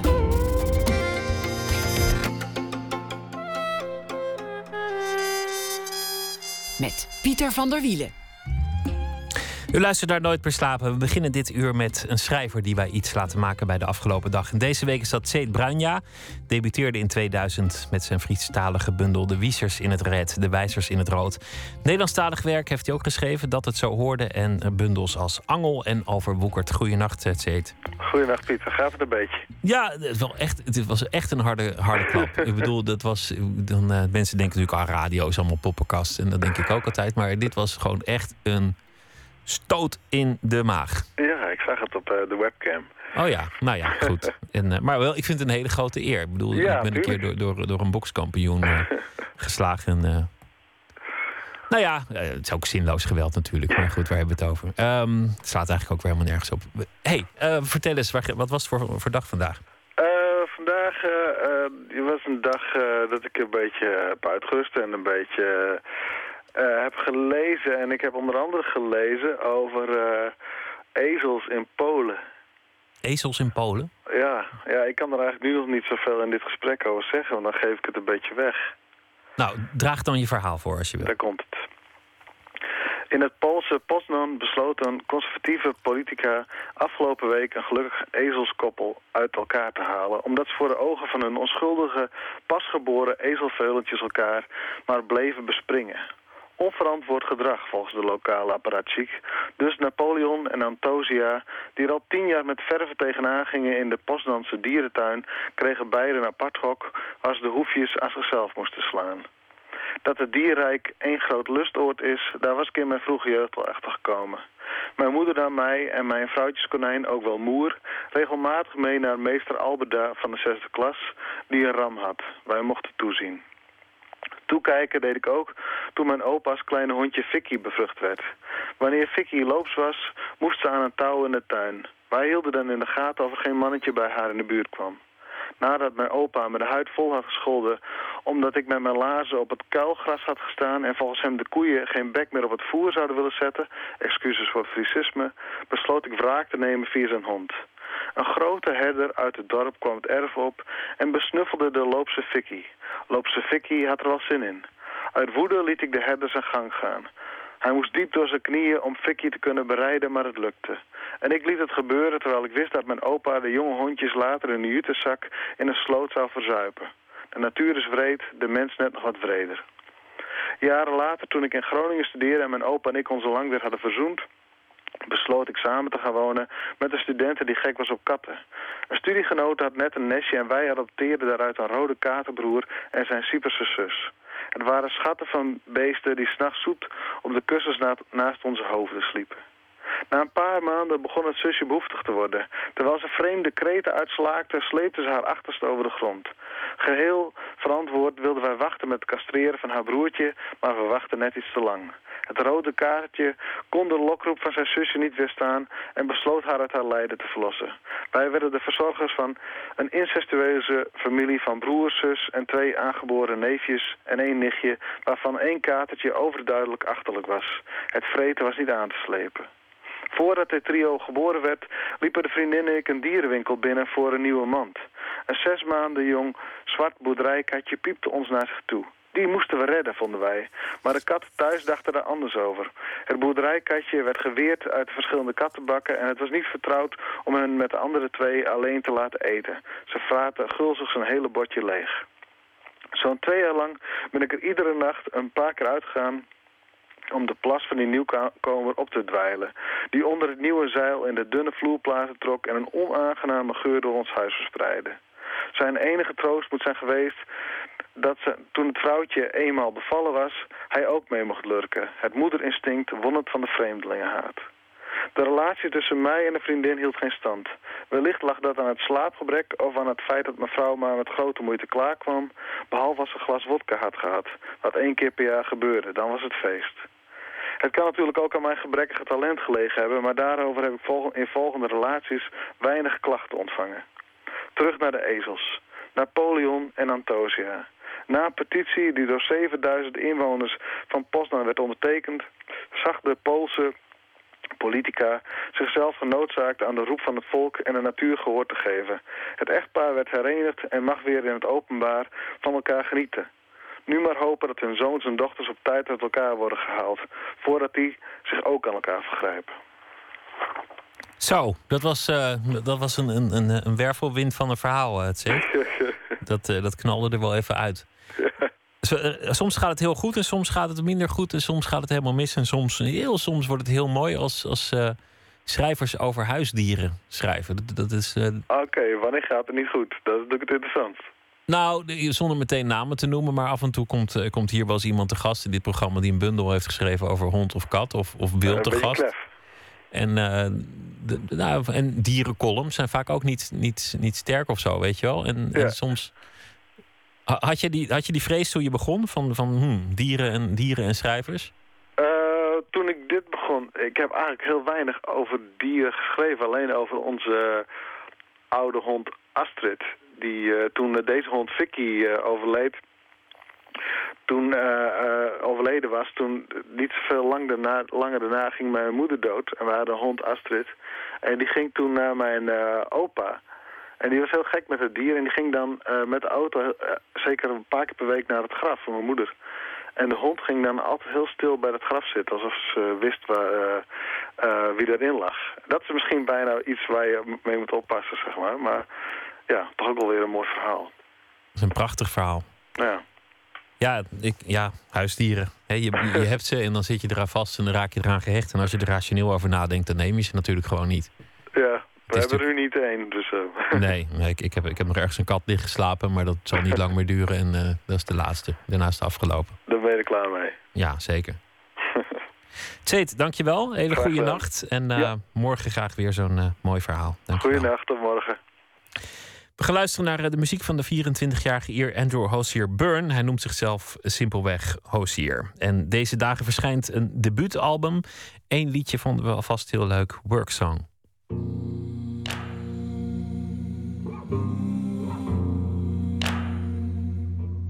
Is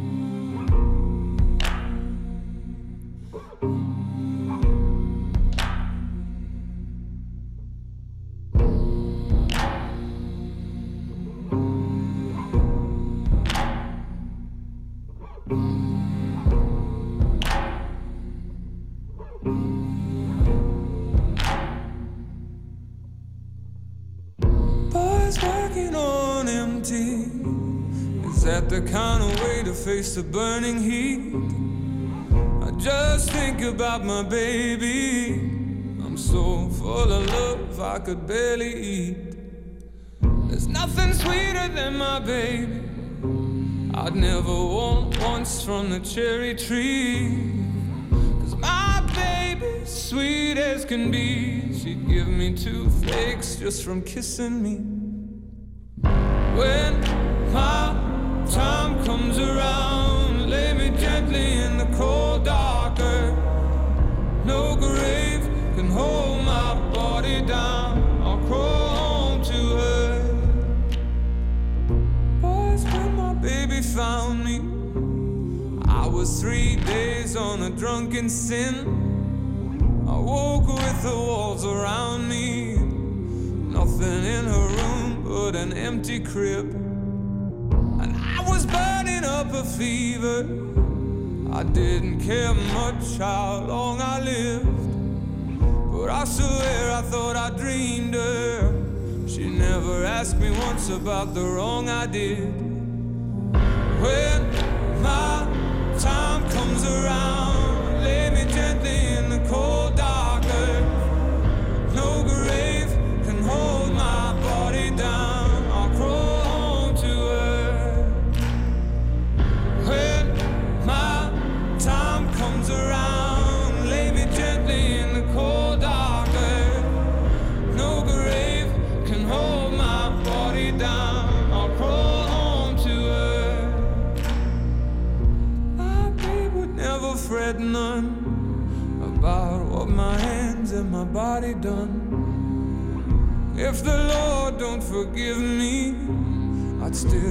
my baby and my babe would have me. When I was kissing on my baby, and she'd put her love down soft and sweet.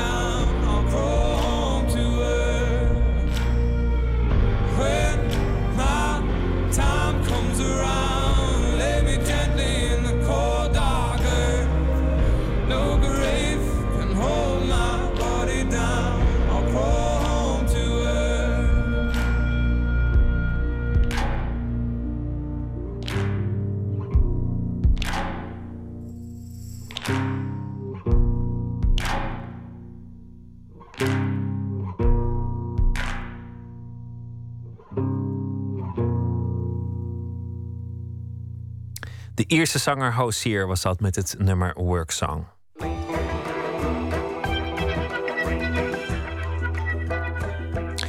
Zes jaar lang zwier fotograaf Lart Buurman door de steden van Afrika. Cairo tot Kaapstad, Luanda tot Nairobi. Het zijn steden die maar groeien en groeien, tomeloos. Vooral door toevloed van mensen van het platteland. Buurman was op zoek naar de plekken en buurten waar die mensen zijn neergestreken. Die vaak nog niet in kaart zijn gebracht. Witte vlekken op de kaart. De foto's die hij maakte zijn samengebracht in een boek, Africa Junctions.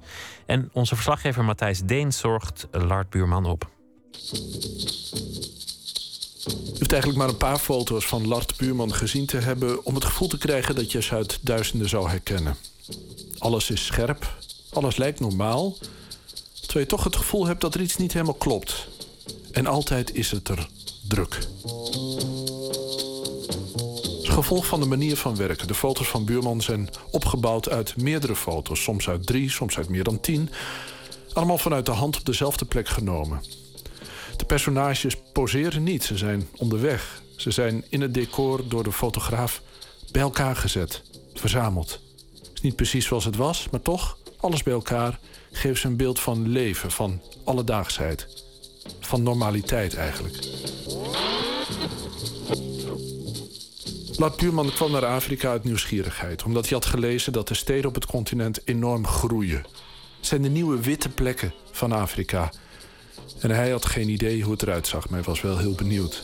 En dat was voor mij ook nieuw. Ik wist ook niet wat, wat, hoe dat zou voelen voor mij. Misschien, eh, vond, misschien vond ik het wel not dan dat ik daar ben en mijn kunst ga doen. En een vriend van mij die zat in Lusaka. Dus toen ben ik in november 2008 daar naartoe gegaan. En eh, via de, de lokale kunstenaars daar kon ik ook gewoon die wijken in. En de eerste foto die ik maakte is een heel gewoon straatje. En ehm, binnen twee frames die ik schoot, komen er kinderen aanlopen en voor mij zitten en zwaaien en op hun handstand maken en op hun kop staan. En ik noemde dat een rode kruisfoto, de positieve versie. Maar het zat mij in de weg. Want ik wil dat cliché niet fotograferen. Ik wil niet schattige kindjes fotograferen. Ik wil laten zien hoe een straatbeeld eruit ziet.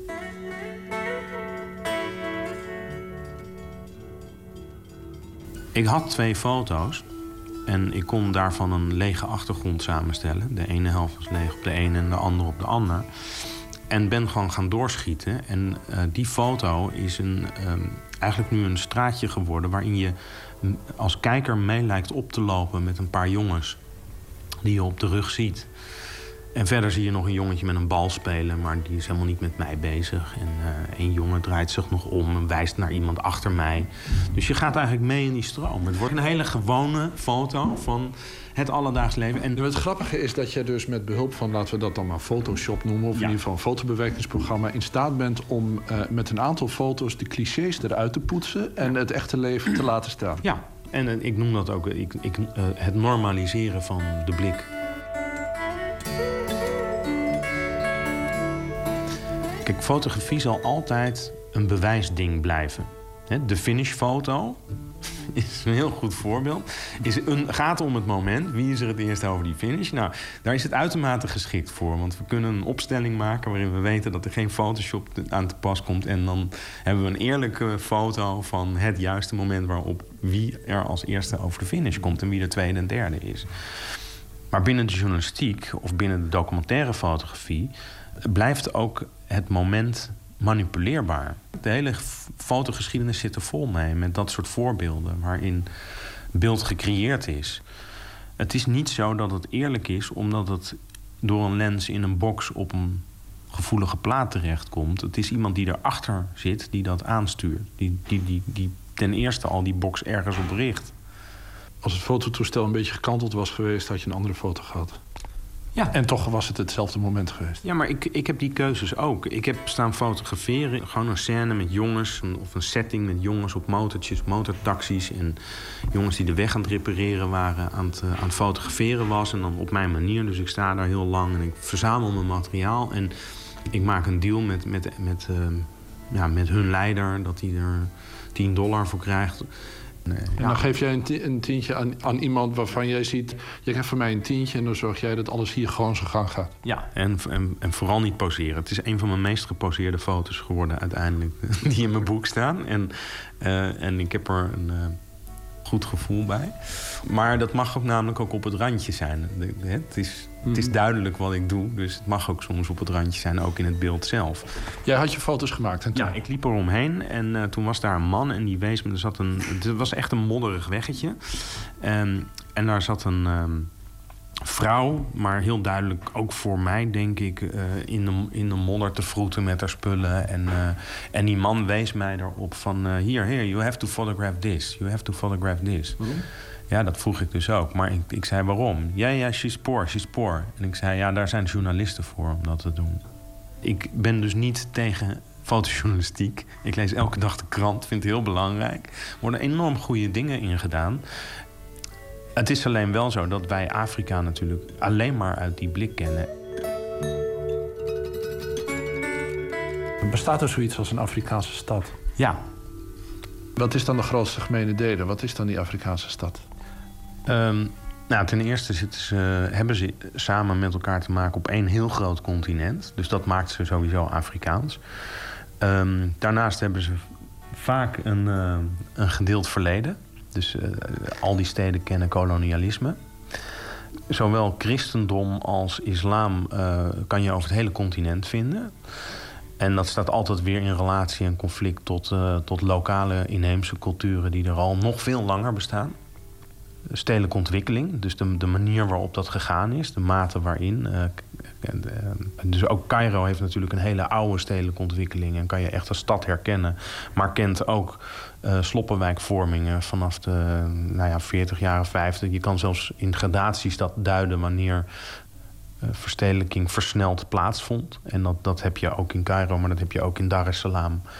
En dat heb je ook in Johannesburg. En daarin zijn er heel veel eh, eh, overeenkomsten. En, en, en een hele belangrijke is ook ehm, dat heel veel steden een economie kennen die eh, ehm, ontstond in de kolonialiteit en ging over het voeden van het moederland. En dus er is een, een economie van het onttrekken van goederen aan het land via een haven naar het moederland. En dat beïnvloedt die steden tot op heden. Vind je het prettig in de Afrikaanse stad? Ja, Hoe wat vertel eens. Nou, laat ik dan beginnen met de valkuil. het is heel prettig omdat je eh, keihard eh, positief gediscrimineerd wordt. Zeker ik als kunstenaar word ik daar hoger ingeschat dan in mijn eigen maatschappij. Maar, maar ik noem het heel bewust de valkuil, want er zit natuurlijk eh, het, grote verschil tussen arm en rijk maakt dat je altijd een, een kans bent als, als blanke. Ehm, dus, dus je wordt met veel egaars behandeld en, en heel beleefd. En dat is heel prettig. Maar ja, daar zit dus een vals kantje aan. Daarnaast vind ik het, eh, zit er iets dubbels in dat, dat chaos eh, levendigheid geeft. Dus er is heel veel te zien in de Afrikaanse stad. En dat is iets wat mij heel erg fascineert.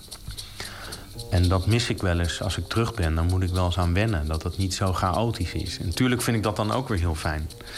Maar dat is wel een kant die, uh, die prettig is aan de Afrikaanse stad. Kan je iets over zeggen waarom chaos zo prettig is? Uh, chaos doet een beroep op je improvisatievermogen. Dus het is niet altijd makkelijk, maar het is soms wel heel relevant en prettig. Dus je voelt je. Um, misschien zijn de goals ook wel heel kort. Hè? Van ik wil die dag daar naartoe en ik wil dat bij, of ik wil iets gedaan krijgen. En dan moet ik binnen een cultuur die niet de mijne is, dat, dat gedaan zien te krijgen. Uiteindelijk vindt het zijn weg. Je, denkt, je wordt altijd een beetje wanhopig en dan opeens is daar een oplossing. Het is totaal anders. En dat is ook prettig voor mij, de confrontatie met een hele andere cultuur. Die, waarvan ik ook, maar ik denk altijd dat je culturen maar ten dele echt kan begrijpen of doorgronden. Je kan er wel aan gewend raken of er een gevoel mee krijgen. En je kan, er, uh, je kan proberen te analyseren en te duiden. Maar ja, als je op de, er is altijd een kern waarin je wezenlijk anders bent dan, dan, hmm. dan, omdat ik uit een westerse of Nederlandse cultuur kom. In hoeverre is dat een handicap gewoon voor je persoonlijk als je daar bent? Wat, uh, want je leert je, neem ik aan, naast de Afrikaanse stad leer je ook jezelf kennen. Enorm, ja. Ik denk dat ik wel geleerd heb om uh, te accepteren dat ik um, soms minder direct moet zijn. Of dat ik dat automatisch daar doe. Want? Nou ja, wij zijn, wij zijn nogal bot, wij Nederlanders. Wij zijn heel direct. En, en dat werkt gewoon. In, en ik merk, ja, ook in mijn contacten met Afrikanen op afstand, met vrienden uit diverse landen en steden op afstand. Als ik hier zit, dan irriteert me dat vaak meer dan als ik daar ben. Mhm. En als ik daar ben, dan kan het me ook wel irriteren omdat ik iets gedaan wil krijgen en het te lang duurt. Of dan, maar heel vaak um, word je getest op je voor mijn gevoel op je wantrouwen. Dus je, je, je, je schiet steeds in, een, in iets van... ja, ze willen me tegenwerken. Of, hè, dat, en dat is natuurlijk helemaal niet zo. Het is, gewoon een cultuur, het is gewoon vaak een culturele botsing. En daar moet je steeds overheen stappen. Je moet steeds denken, ik ben hier en ik ben hier te gast. En het werkt op hun manier.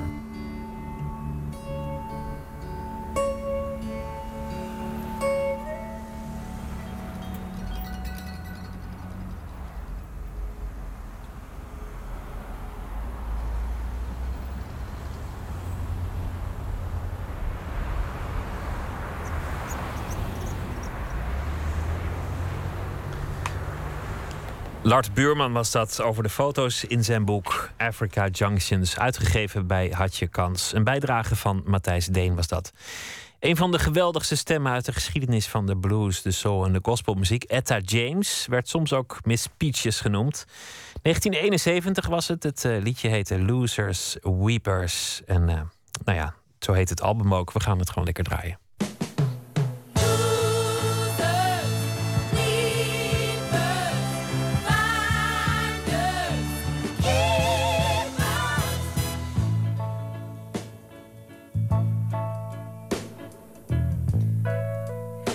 You put your only man out in the cold.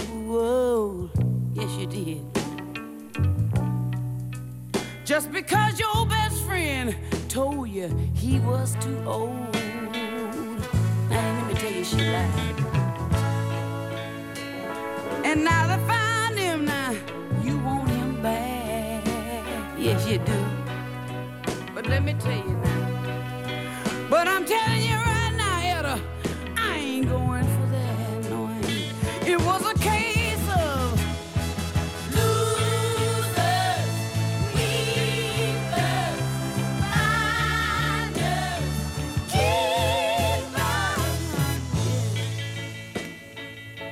Now listen. You know you cheated and you lied right to the end. Yes, you did. You even talked about your man to his best friend. And you ain't had no business doing that. Then you promised him if, if he'd come back, you'd never misuse him. But now he belongs to me, huh? And I ain't gonna, ain't gonna lose him. It was a case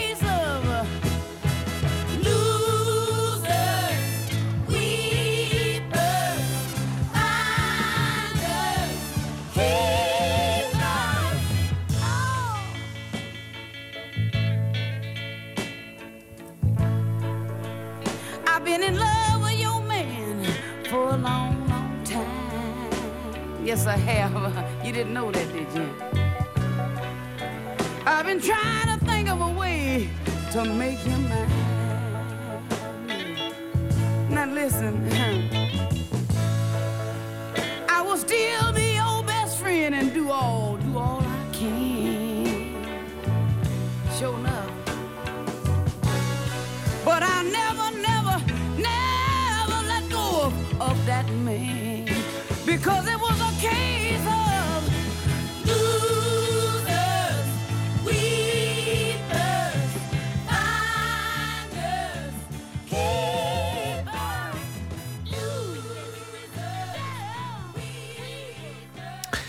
1971, Etta James, verslaafd aan zingen en ook een heel klein beetje aan andere dingen zo af en toe. Overleden in 2012, prachtige stem, Losers Weepers. Nooit meer slapen. In Utrecht is eh, deze dagen het Nederlands Filmfestival eh, bezig. En er zijn uiteraard heel veel films te zien, maar ook andere evenementen vinden plaats. De VPRO is er ook aanwezig, de afdeling Digitaal. Die hebben ook een eh, klein feestje te vieren. Botte Jellema is onze nachtcorrespondent. Goedenavond. Wat, eh, wat moet eh, de afdeling Digitaal van de VPRO op het filmfestival? Ja, er is een hele middag en een hele avond eh, met de dames en heren van het internet. Ehm, ze zijn aan het vieren dat ze 20 jaar bestaan. Maar eh, er is nog wat meer. eh, dus het is wat minder onwaarschijnlijk dan je denkt. Ehm, want de term waarin alles een beetje samenkomt... en waar ga ik het met je over hebben, is storytelling. Oftewel hoe je een verhaal vertelt. Nou ja, ehm, eh, als je een afbeelding ziet van hoe de website van de VPRO in 1994, dus 20 jaar geleden, zag, uitzag, dan moet je wel een beetje lachen misschien. Maar ondertussen was het wel mooi de eerste afdeling digitaal bij een publieke omroep. Nou, er is heel veel bij die afdeling uitgevonden. En er wordt nog steeds veel uitgevonden. En daar gaan ze het op het filmfestival over hebben. En ze gaan daar bijvoorbeeld presenteren Love and Engineering. Dat hoor je nu een beetje op de achtergrond. Er hoort iemand typen op een telefoon. En wat je hoort is een fragment van een eh, YouTube-filmpje. En als je het aanzet, dan heb je niet meteen door waarom het nou anders is dan een andere YouTube-filmpje. Maar aan de linkerkant van je scherm vind je vier knopjes. Met elk een A en een B-knopje erbij. En je ziet een korte speelfilm. En onder elke knop zitten andere beelden. En toch loopt de scène gewoon door. En de scène is in dit geval eh, tekst die getypt wordt in een eh, online chat. Die tekst zie je dus onderin het filmpje. En die zien alle filmpjes precies hetzelfde. Terwijl de hoofdpersoon in het ene filmpje op een pontje staat... in een andere fi- filmpje bevindt hij zich in een game... en weer een andere, dan loopt hij op straat. Vandaar dus nu op de achtergrond steeds die wisselende geluiden.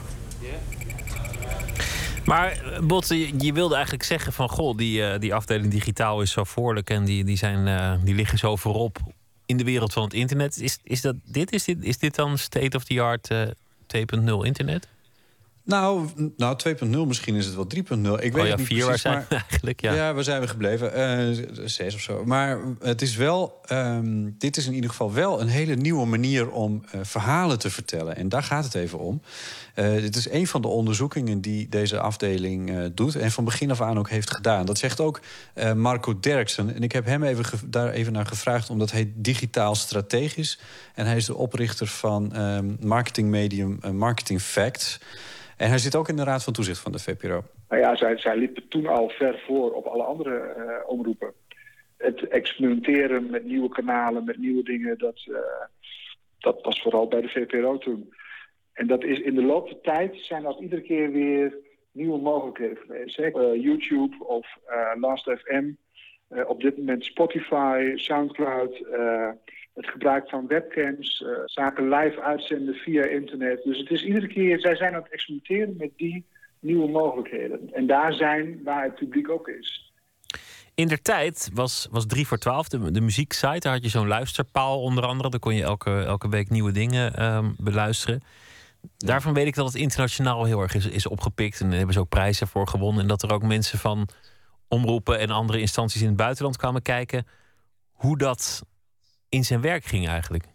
Ja, nou ja, 3 voor 12 is een prachtig voorbeeld wat dat betreft. Het was een van de eerste dingen die VPRO digitaal heeft gedaan. En ze begonnen in 1998, dus dat is vier jaar na de oprichting. Dat was, toen stond nog heel veel in de kinderschoenen. En ik herinner me ook nog heel goed die luisterpaal. Ja, dat was echt waanzinnig, want dan kon je ineens platen zomaar. En ook alle platen kon je ineens gewoon vanuit je huis beluisteren. Ik, vond het waanzinnig als student. Ehm, het is ooit begonnen, 3 voor 12, als protest tegen de dwangbuis van uh, radioformats. Nou, zoals die in, uh, bijvoorbeeld op 3FM uh, eh, waren. Daar paste die muziek die zij wilden laten horen, die paste daar niet meer zo. Nou, daar hebben ze 3 voor 12 uitgevonden. En nou, dat heeft dus inmiddels de duizenden uren aan muziek online staan. Het radioprogramma op 3FM is er nog steeds ook. Um, er is een groot dossier met filmpjes van concertregistraties. En natuurlijk die wereldberoemde luisterpaal... waar je die nieuwe platen kan beluisteren alsof je in een platenzaak bent. Ik kan me in ieder geval nog herinneren dat zij ook uh, Lowlands Live uh, presenteerde op internet. Dus dat soort zaken, dat is voor mij echt wel het beginperiode voor mijn uh, interesse voor VPRO en digitaal geweest. Maar nu, dit is een beetje, ook een klein beetje nostalgie, want de politiek heeft inmiddels gezegd, en daar is misschien best iets voor te zeggen, van nou ja, laat u omroepen nou maar gewoon radio en tv maken, want het internet, daar gebeurt vanzelf al heel veel, daar hoeft geen publiek geld naartoe, dus die omroepen moeten hun activiteiten op internet zoveel mogelijk terugschroeven. Dat klinkt eigenlijk een beetje als de, de doodsteek voor deze afdeling. Nou ja, als je dan inderdaad altijd zo voorlijk bent en je probeert steeds nieuwe dingen uit, dan is dat heel erg lastig. Ik had het erover met uh, het afdelingshoofd Geert-Jan Bogaert. Die vertelde me dat ze daar toch stevig last van hebben, omdat ze dus inderdaad voorin willen zitten. Um, maar ja, niet alleen als pionier heb je er last van. Het is voor, uh, voor omroepen in brede zin uh, heel erg vervelend, zegt digitaal strateeg Marco Derksen. VPRO heeft altijd geëxperimenteerd met al die nieuwe mogelijkheden, maar worden nu eigenlijk weer gedwongen om alles weer netjes via dat ene kanaal uh, te gaan doen. En eigenlijk is dat niet van deze tijd. Ik bedoel, op die manier kan je natuurlijk niet doorontwikkelen. Nou ja, Marco vindt dat eh, VPRO wat experimenten betreft... een hele goede competitie heeft gekregen in de laatste jaren van de NOS. Die heeft een hele flinke inhaalslag gemaakt met digitale ontwikkelingen... met presenteren van bijvoorbeeld zo'n troonrede op een... Uh, ik weet niet of je dat gezien hebt toen Matthijs van Nieuwkerk kreeg in de Wereld Door... ooit zo'n zo'n gekke helm op waar hij helemaal duizelig van werd. Die 3D-helm. Nou ja, daar zat, uh, uh, op met zo'n soort helm kon je de troonrede ook volgen. Uh, wanneer was het? Vorige week, ja. Nou ja, um, in ieder geval, de VPRO die presenteert zondag op het filmfestival... een paar interessante actuele projecten, want ze houden niet op.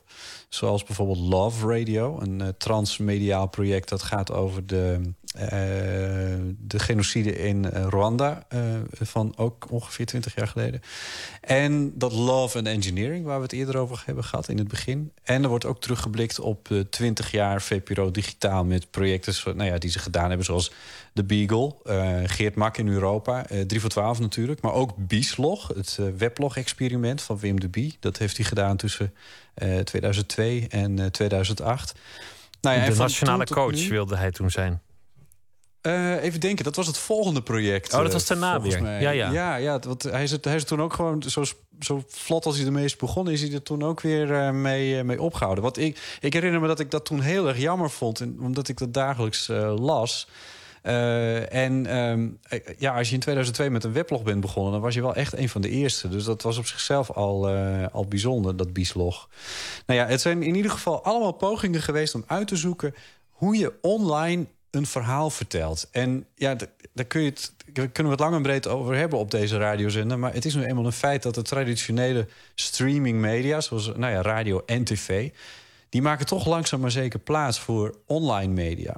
Ja, en, en als je binnenkort, zeg maar, en, en dat, dat gaat echt niet lang meer duren. Uh, alle internet-radiostations bijvoorbeeld in je auto zou kunnen ontvangen. Of, of als televisie en internet exact dezelfde kwaliteit worden, dan, dan zijn al die limieten die zijn weg. Dat betekent dat heel veel dingen wel hetzelfde blijven, hoe je, hoe je programma's maakt.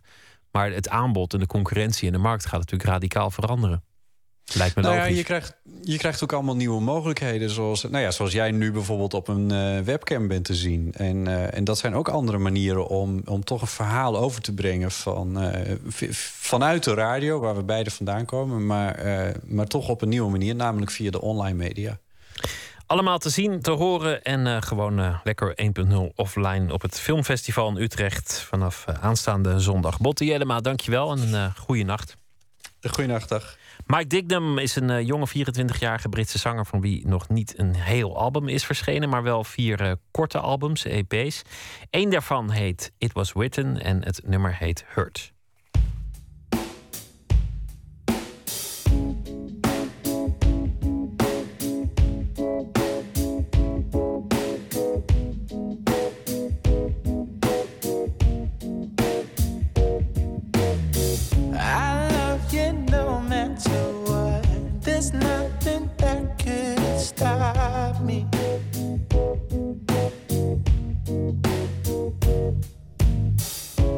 Tied my heart in a knot, control the life I've got. Without knowing how am I supposed to breathe when you don't care? If I am alive, I just dropped dead.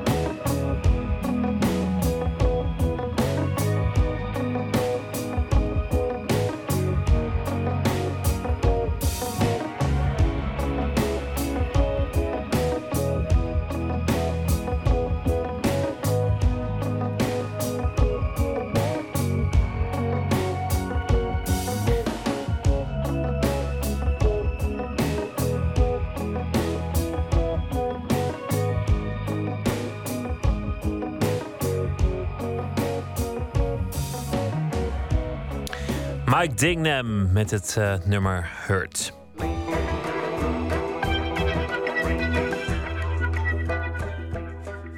Regisseur en artistiek leider Remy Sambo heeft met zijn theatergroep VIG, Very Important Group, een nieuwe voorstelling gemaakt.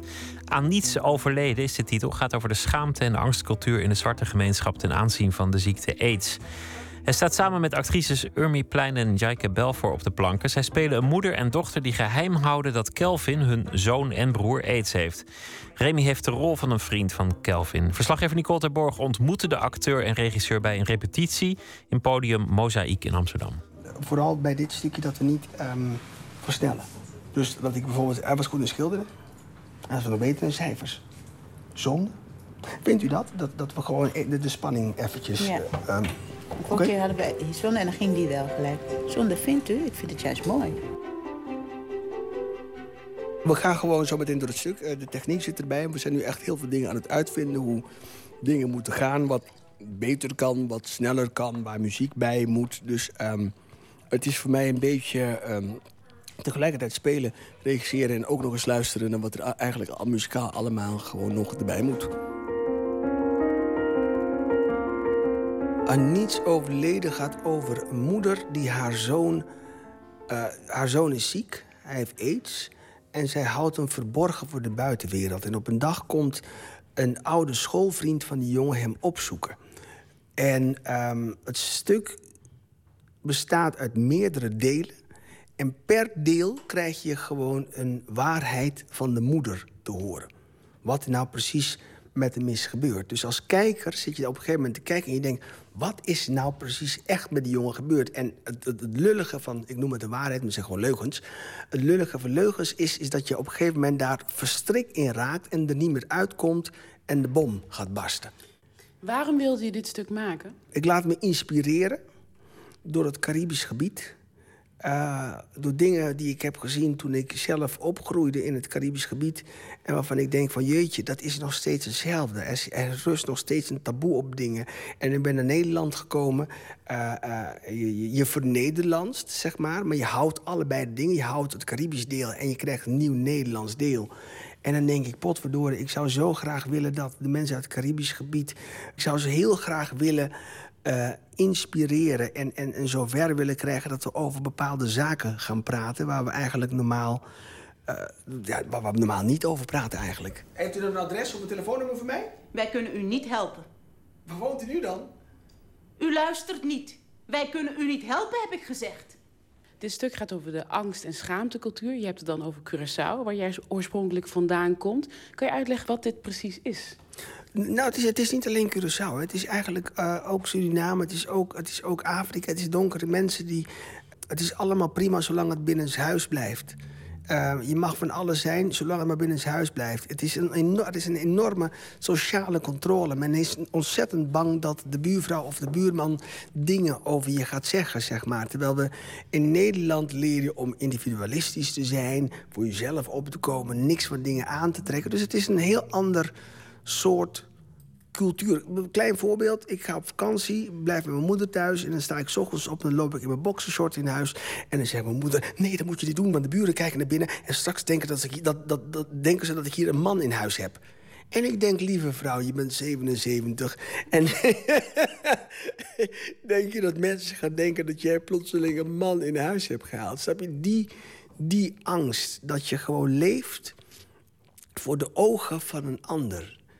Denk ik, nee, je leeft voor jezelf. Geluk begint bij jezelf. En dat is eigenlijk ook een van de redenen waarom ik deze voorstelling maak. Omdat ik denk van mensen, eh, eh, in wat voor situatie je ook zit... de keuze die jij maakt, daar moet jij gelukkig in zijn. En, maar het moet niet afhankelijk zijn van een ander. Dit stuk gaat heel erg over aids. Iemand die dus seropositief is. Is dat nog zo'n taboe onderwerp in het Caribisch gebied? Jazeker. Ik heb eh, onderzoek gedaan. Eh, ziekte is een taboe. Zeker HIV of AIDS. Dat wil je gewoon niet met de buitenwereld delen. Tienerzwangerschappen is ook iets waarbij ik echt eh, van de GGD heb gehoord... Dat, dat, kinderen gewoon negen maanden verdwijnen. Of tenminste zes maanden. Gewoon dat ze naar andere families gaan... dat je niet meer weet waar die kinderen zitten. En Armoede is ook een, het is ook een taboe. Wat, nou, wat ik zelf meegemaakt, obesitas is ook een ding. Het zijn allemaal dingen waarbij eh, een familie denkt... we hebben gefaald en het mag de buitenwereld niet zien.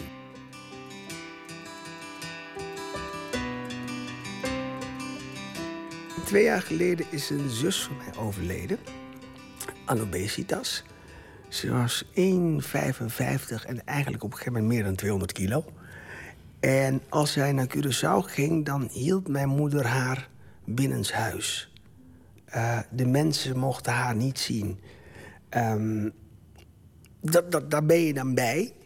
En daar ga je over nadenken. En het heeft ook te maken met dat, dat, dat zij als moeder het gevoel heeft... ik heb mijn kind gestuurd naar Nederland om het beter te hebben... en kijk wat er van haar geworden is. En het mag de buitenwereld niet zien. Ze schaamde zich. Ja, eigenlijk wel. Daar komt het wel op, op neer. En niet... eh, dus door haar binnen te houden was het niet zo dat ze niet van haar dochter hield. Juist wel. Ze wilde gewoon niet dat haar, eh, haar dochter gewoon eh, zou lijden onder wat andere mensen zouden zeggen. Dus dat is eigenlijk iets wat direct in mijn omgeving, wat ik heb meegemaakt, zeg maar.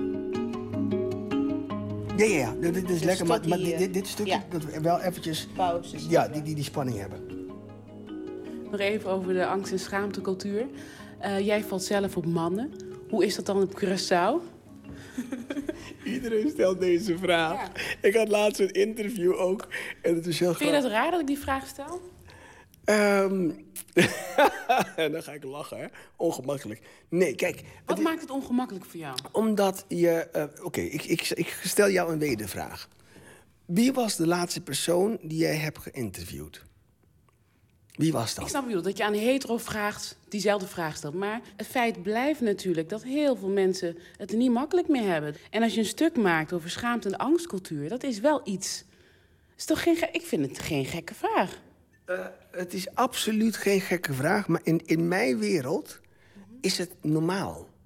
Dus ehm, het benoemen daarvan zorgt ervoor dat ik me dan ehm, anders moet gaan voelen. En dat ik constant gewoon eh, als anders word gezien. Omdat je bent wat je bent, maar dat iemand het constant moet benoemen, maakt dat je niet de norm bent. Dat je anders bent. En ik ben daarmee gestopt. Want ik ben niet anders dan andere mensen. En ook, ik heb deze voorstelling ook niet eens gemaakt. Het homoseksueel thema zit erin, hoor. Maar ik Ja, want daarom vraag ik het normaal gesproken. Ik bedoel, als het een ander eh, onderwerp zou zijn... ik ga jou helemaal niet vragen over homoseksualiteit. Maar als het gaat over angst- en schaamtecultuur in zwarte gemeenschap... dan vind ik het een legitieme vraag. Maar het is, het, is, het is ook absoluut een legitieme vraag. Maar het is, je moet je voorstellen dat ik het dan eh, vaker op mijn bord krijg. Wat een eer. Wat fijn u te ontmoeten, er een gezicht bij te hebben. Ik heb me zoveel over u laten vertellen. Oh. En dat klopt allemaal, dat zie je meteen. Hoe zit dat op Curaçao dan? Merk je daar iets van qua homoseksualiteit of is dat geen probleem? Eh, het is natuurlijk wel een probleem. En het is, en ik ben ook geïndoctrineerd. En dat is ook een van de redenen ehm, waarom ehm, ik er niet zo heel makkelijk over praat. Want je bent wel geïndoctrineerd met... eh, hou dat voor je, gooi het niet de deur uit. En ehm, daarbinnen ben ik zelf ook eh, lerende. Dat ik denk van, ja, maar... kijk, laat me het zo zeggen. Als ik één op één met jou zou zitten... dan is het prima. Dan, ik, ik benoem het en ik, ontken- ik zal het nooit ontkennen... Alleen ehm, dat Nederlandse ga op de bres staan en gooi het naar buiten, dat heb ik niet. Dus ik denk dat het wel een, een, een, een, een erfenisje is van, van, van, van mijn schaamtecultuur. Je maakt eh, eigen stukken ehm, en vijf korte films heb je gemaakt eh, dit jaar. Waar haal je de tijd vandaan? Eh, het is allemaal heel leuk. En ik ben erachter gekomen dat, ik, dat adrenaline mijn benzine is. Dat zodra ik iets eh, eh, bedacht heb... Ik ben nu al bezig met de volgende voorstelling aan het bedenken. En dat, er komt zo een drive in mij naar boven... dat ik gewoon maar doorga. En dan ga ik op vakantie...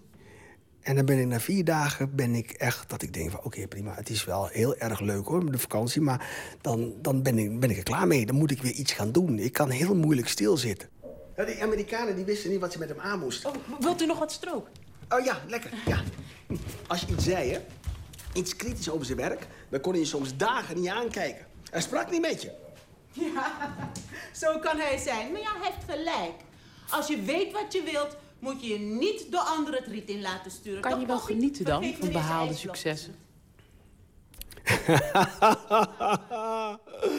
Oh, dat is een beetje een gewetensvraag, deze. Eh, na lang lijden en perfectionistisch zijn en eh, het keer op keer in mijn hoofd hebben afgespeeld en slapeloze nachten, als het dan uiteindelijk lukt, dan pas kan ik ervan genieten. Maar daaraan vooraf is het wel een. eh, ik wil het geen lijdensweg noemen, maar het is wel heel hard werken. Hoe uit die lijdensweg zich dan? Eh, la- laten we het zo zeggen. Dat ik eh, op een gegeven moment sliep ik niet meer. Ik kon gewoon heel moeilijk slapen. En toen ging ik naar mijn huisarts en die gaf me slaappillen. En in het begin hielp dat. En dat werkt niet meer. Dus dat heb ik ook gewoon gelaten. En ik denk, nou ja, ehm, ik slaap tussendoor. Powernaps. Ja, ja, ja. Dit, dit is lekker. Maar, maar dit, dit, dit stukje, dat we wel eventjes... Pauzes. Ja, die, die, die spanning hebben. Dankjewel, Esther. Toch? Ja, goed.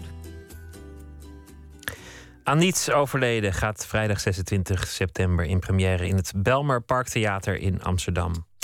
Bonnie Prince Billy is eh, zijn naam. Hij was eh, eerder deze maand nog in Nederland voor een aantal optredens in kleine kerkjes, samen met broeder Dieleman onder andere. Hij heet eh, in het echte leven Will Oldham. Will Oldham heet hij in het echte leven. Billy Prince, nou, jezus zegt, het gaat helemaal de mist in. Weet je, we gaan lekker luisteren. Sailor's Grave, A Sea of Sheep.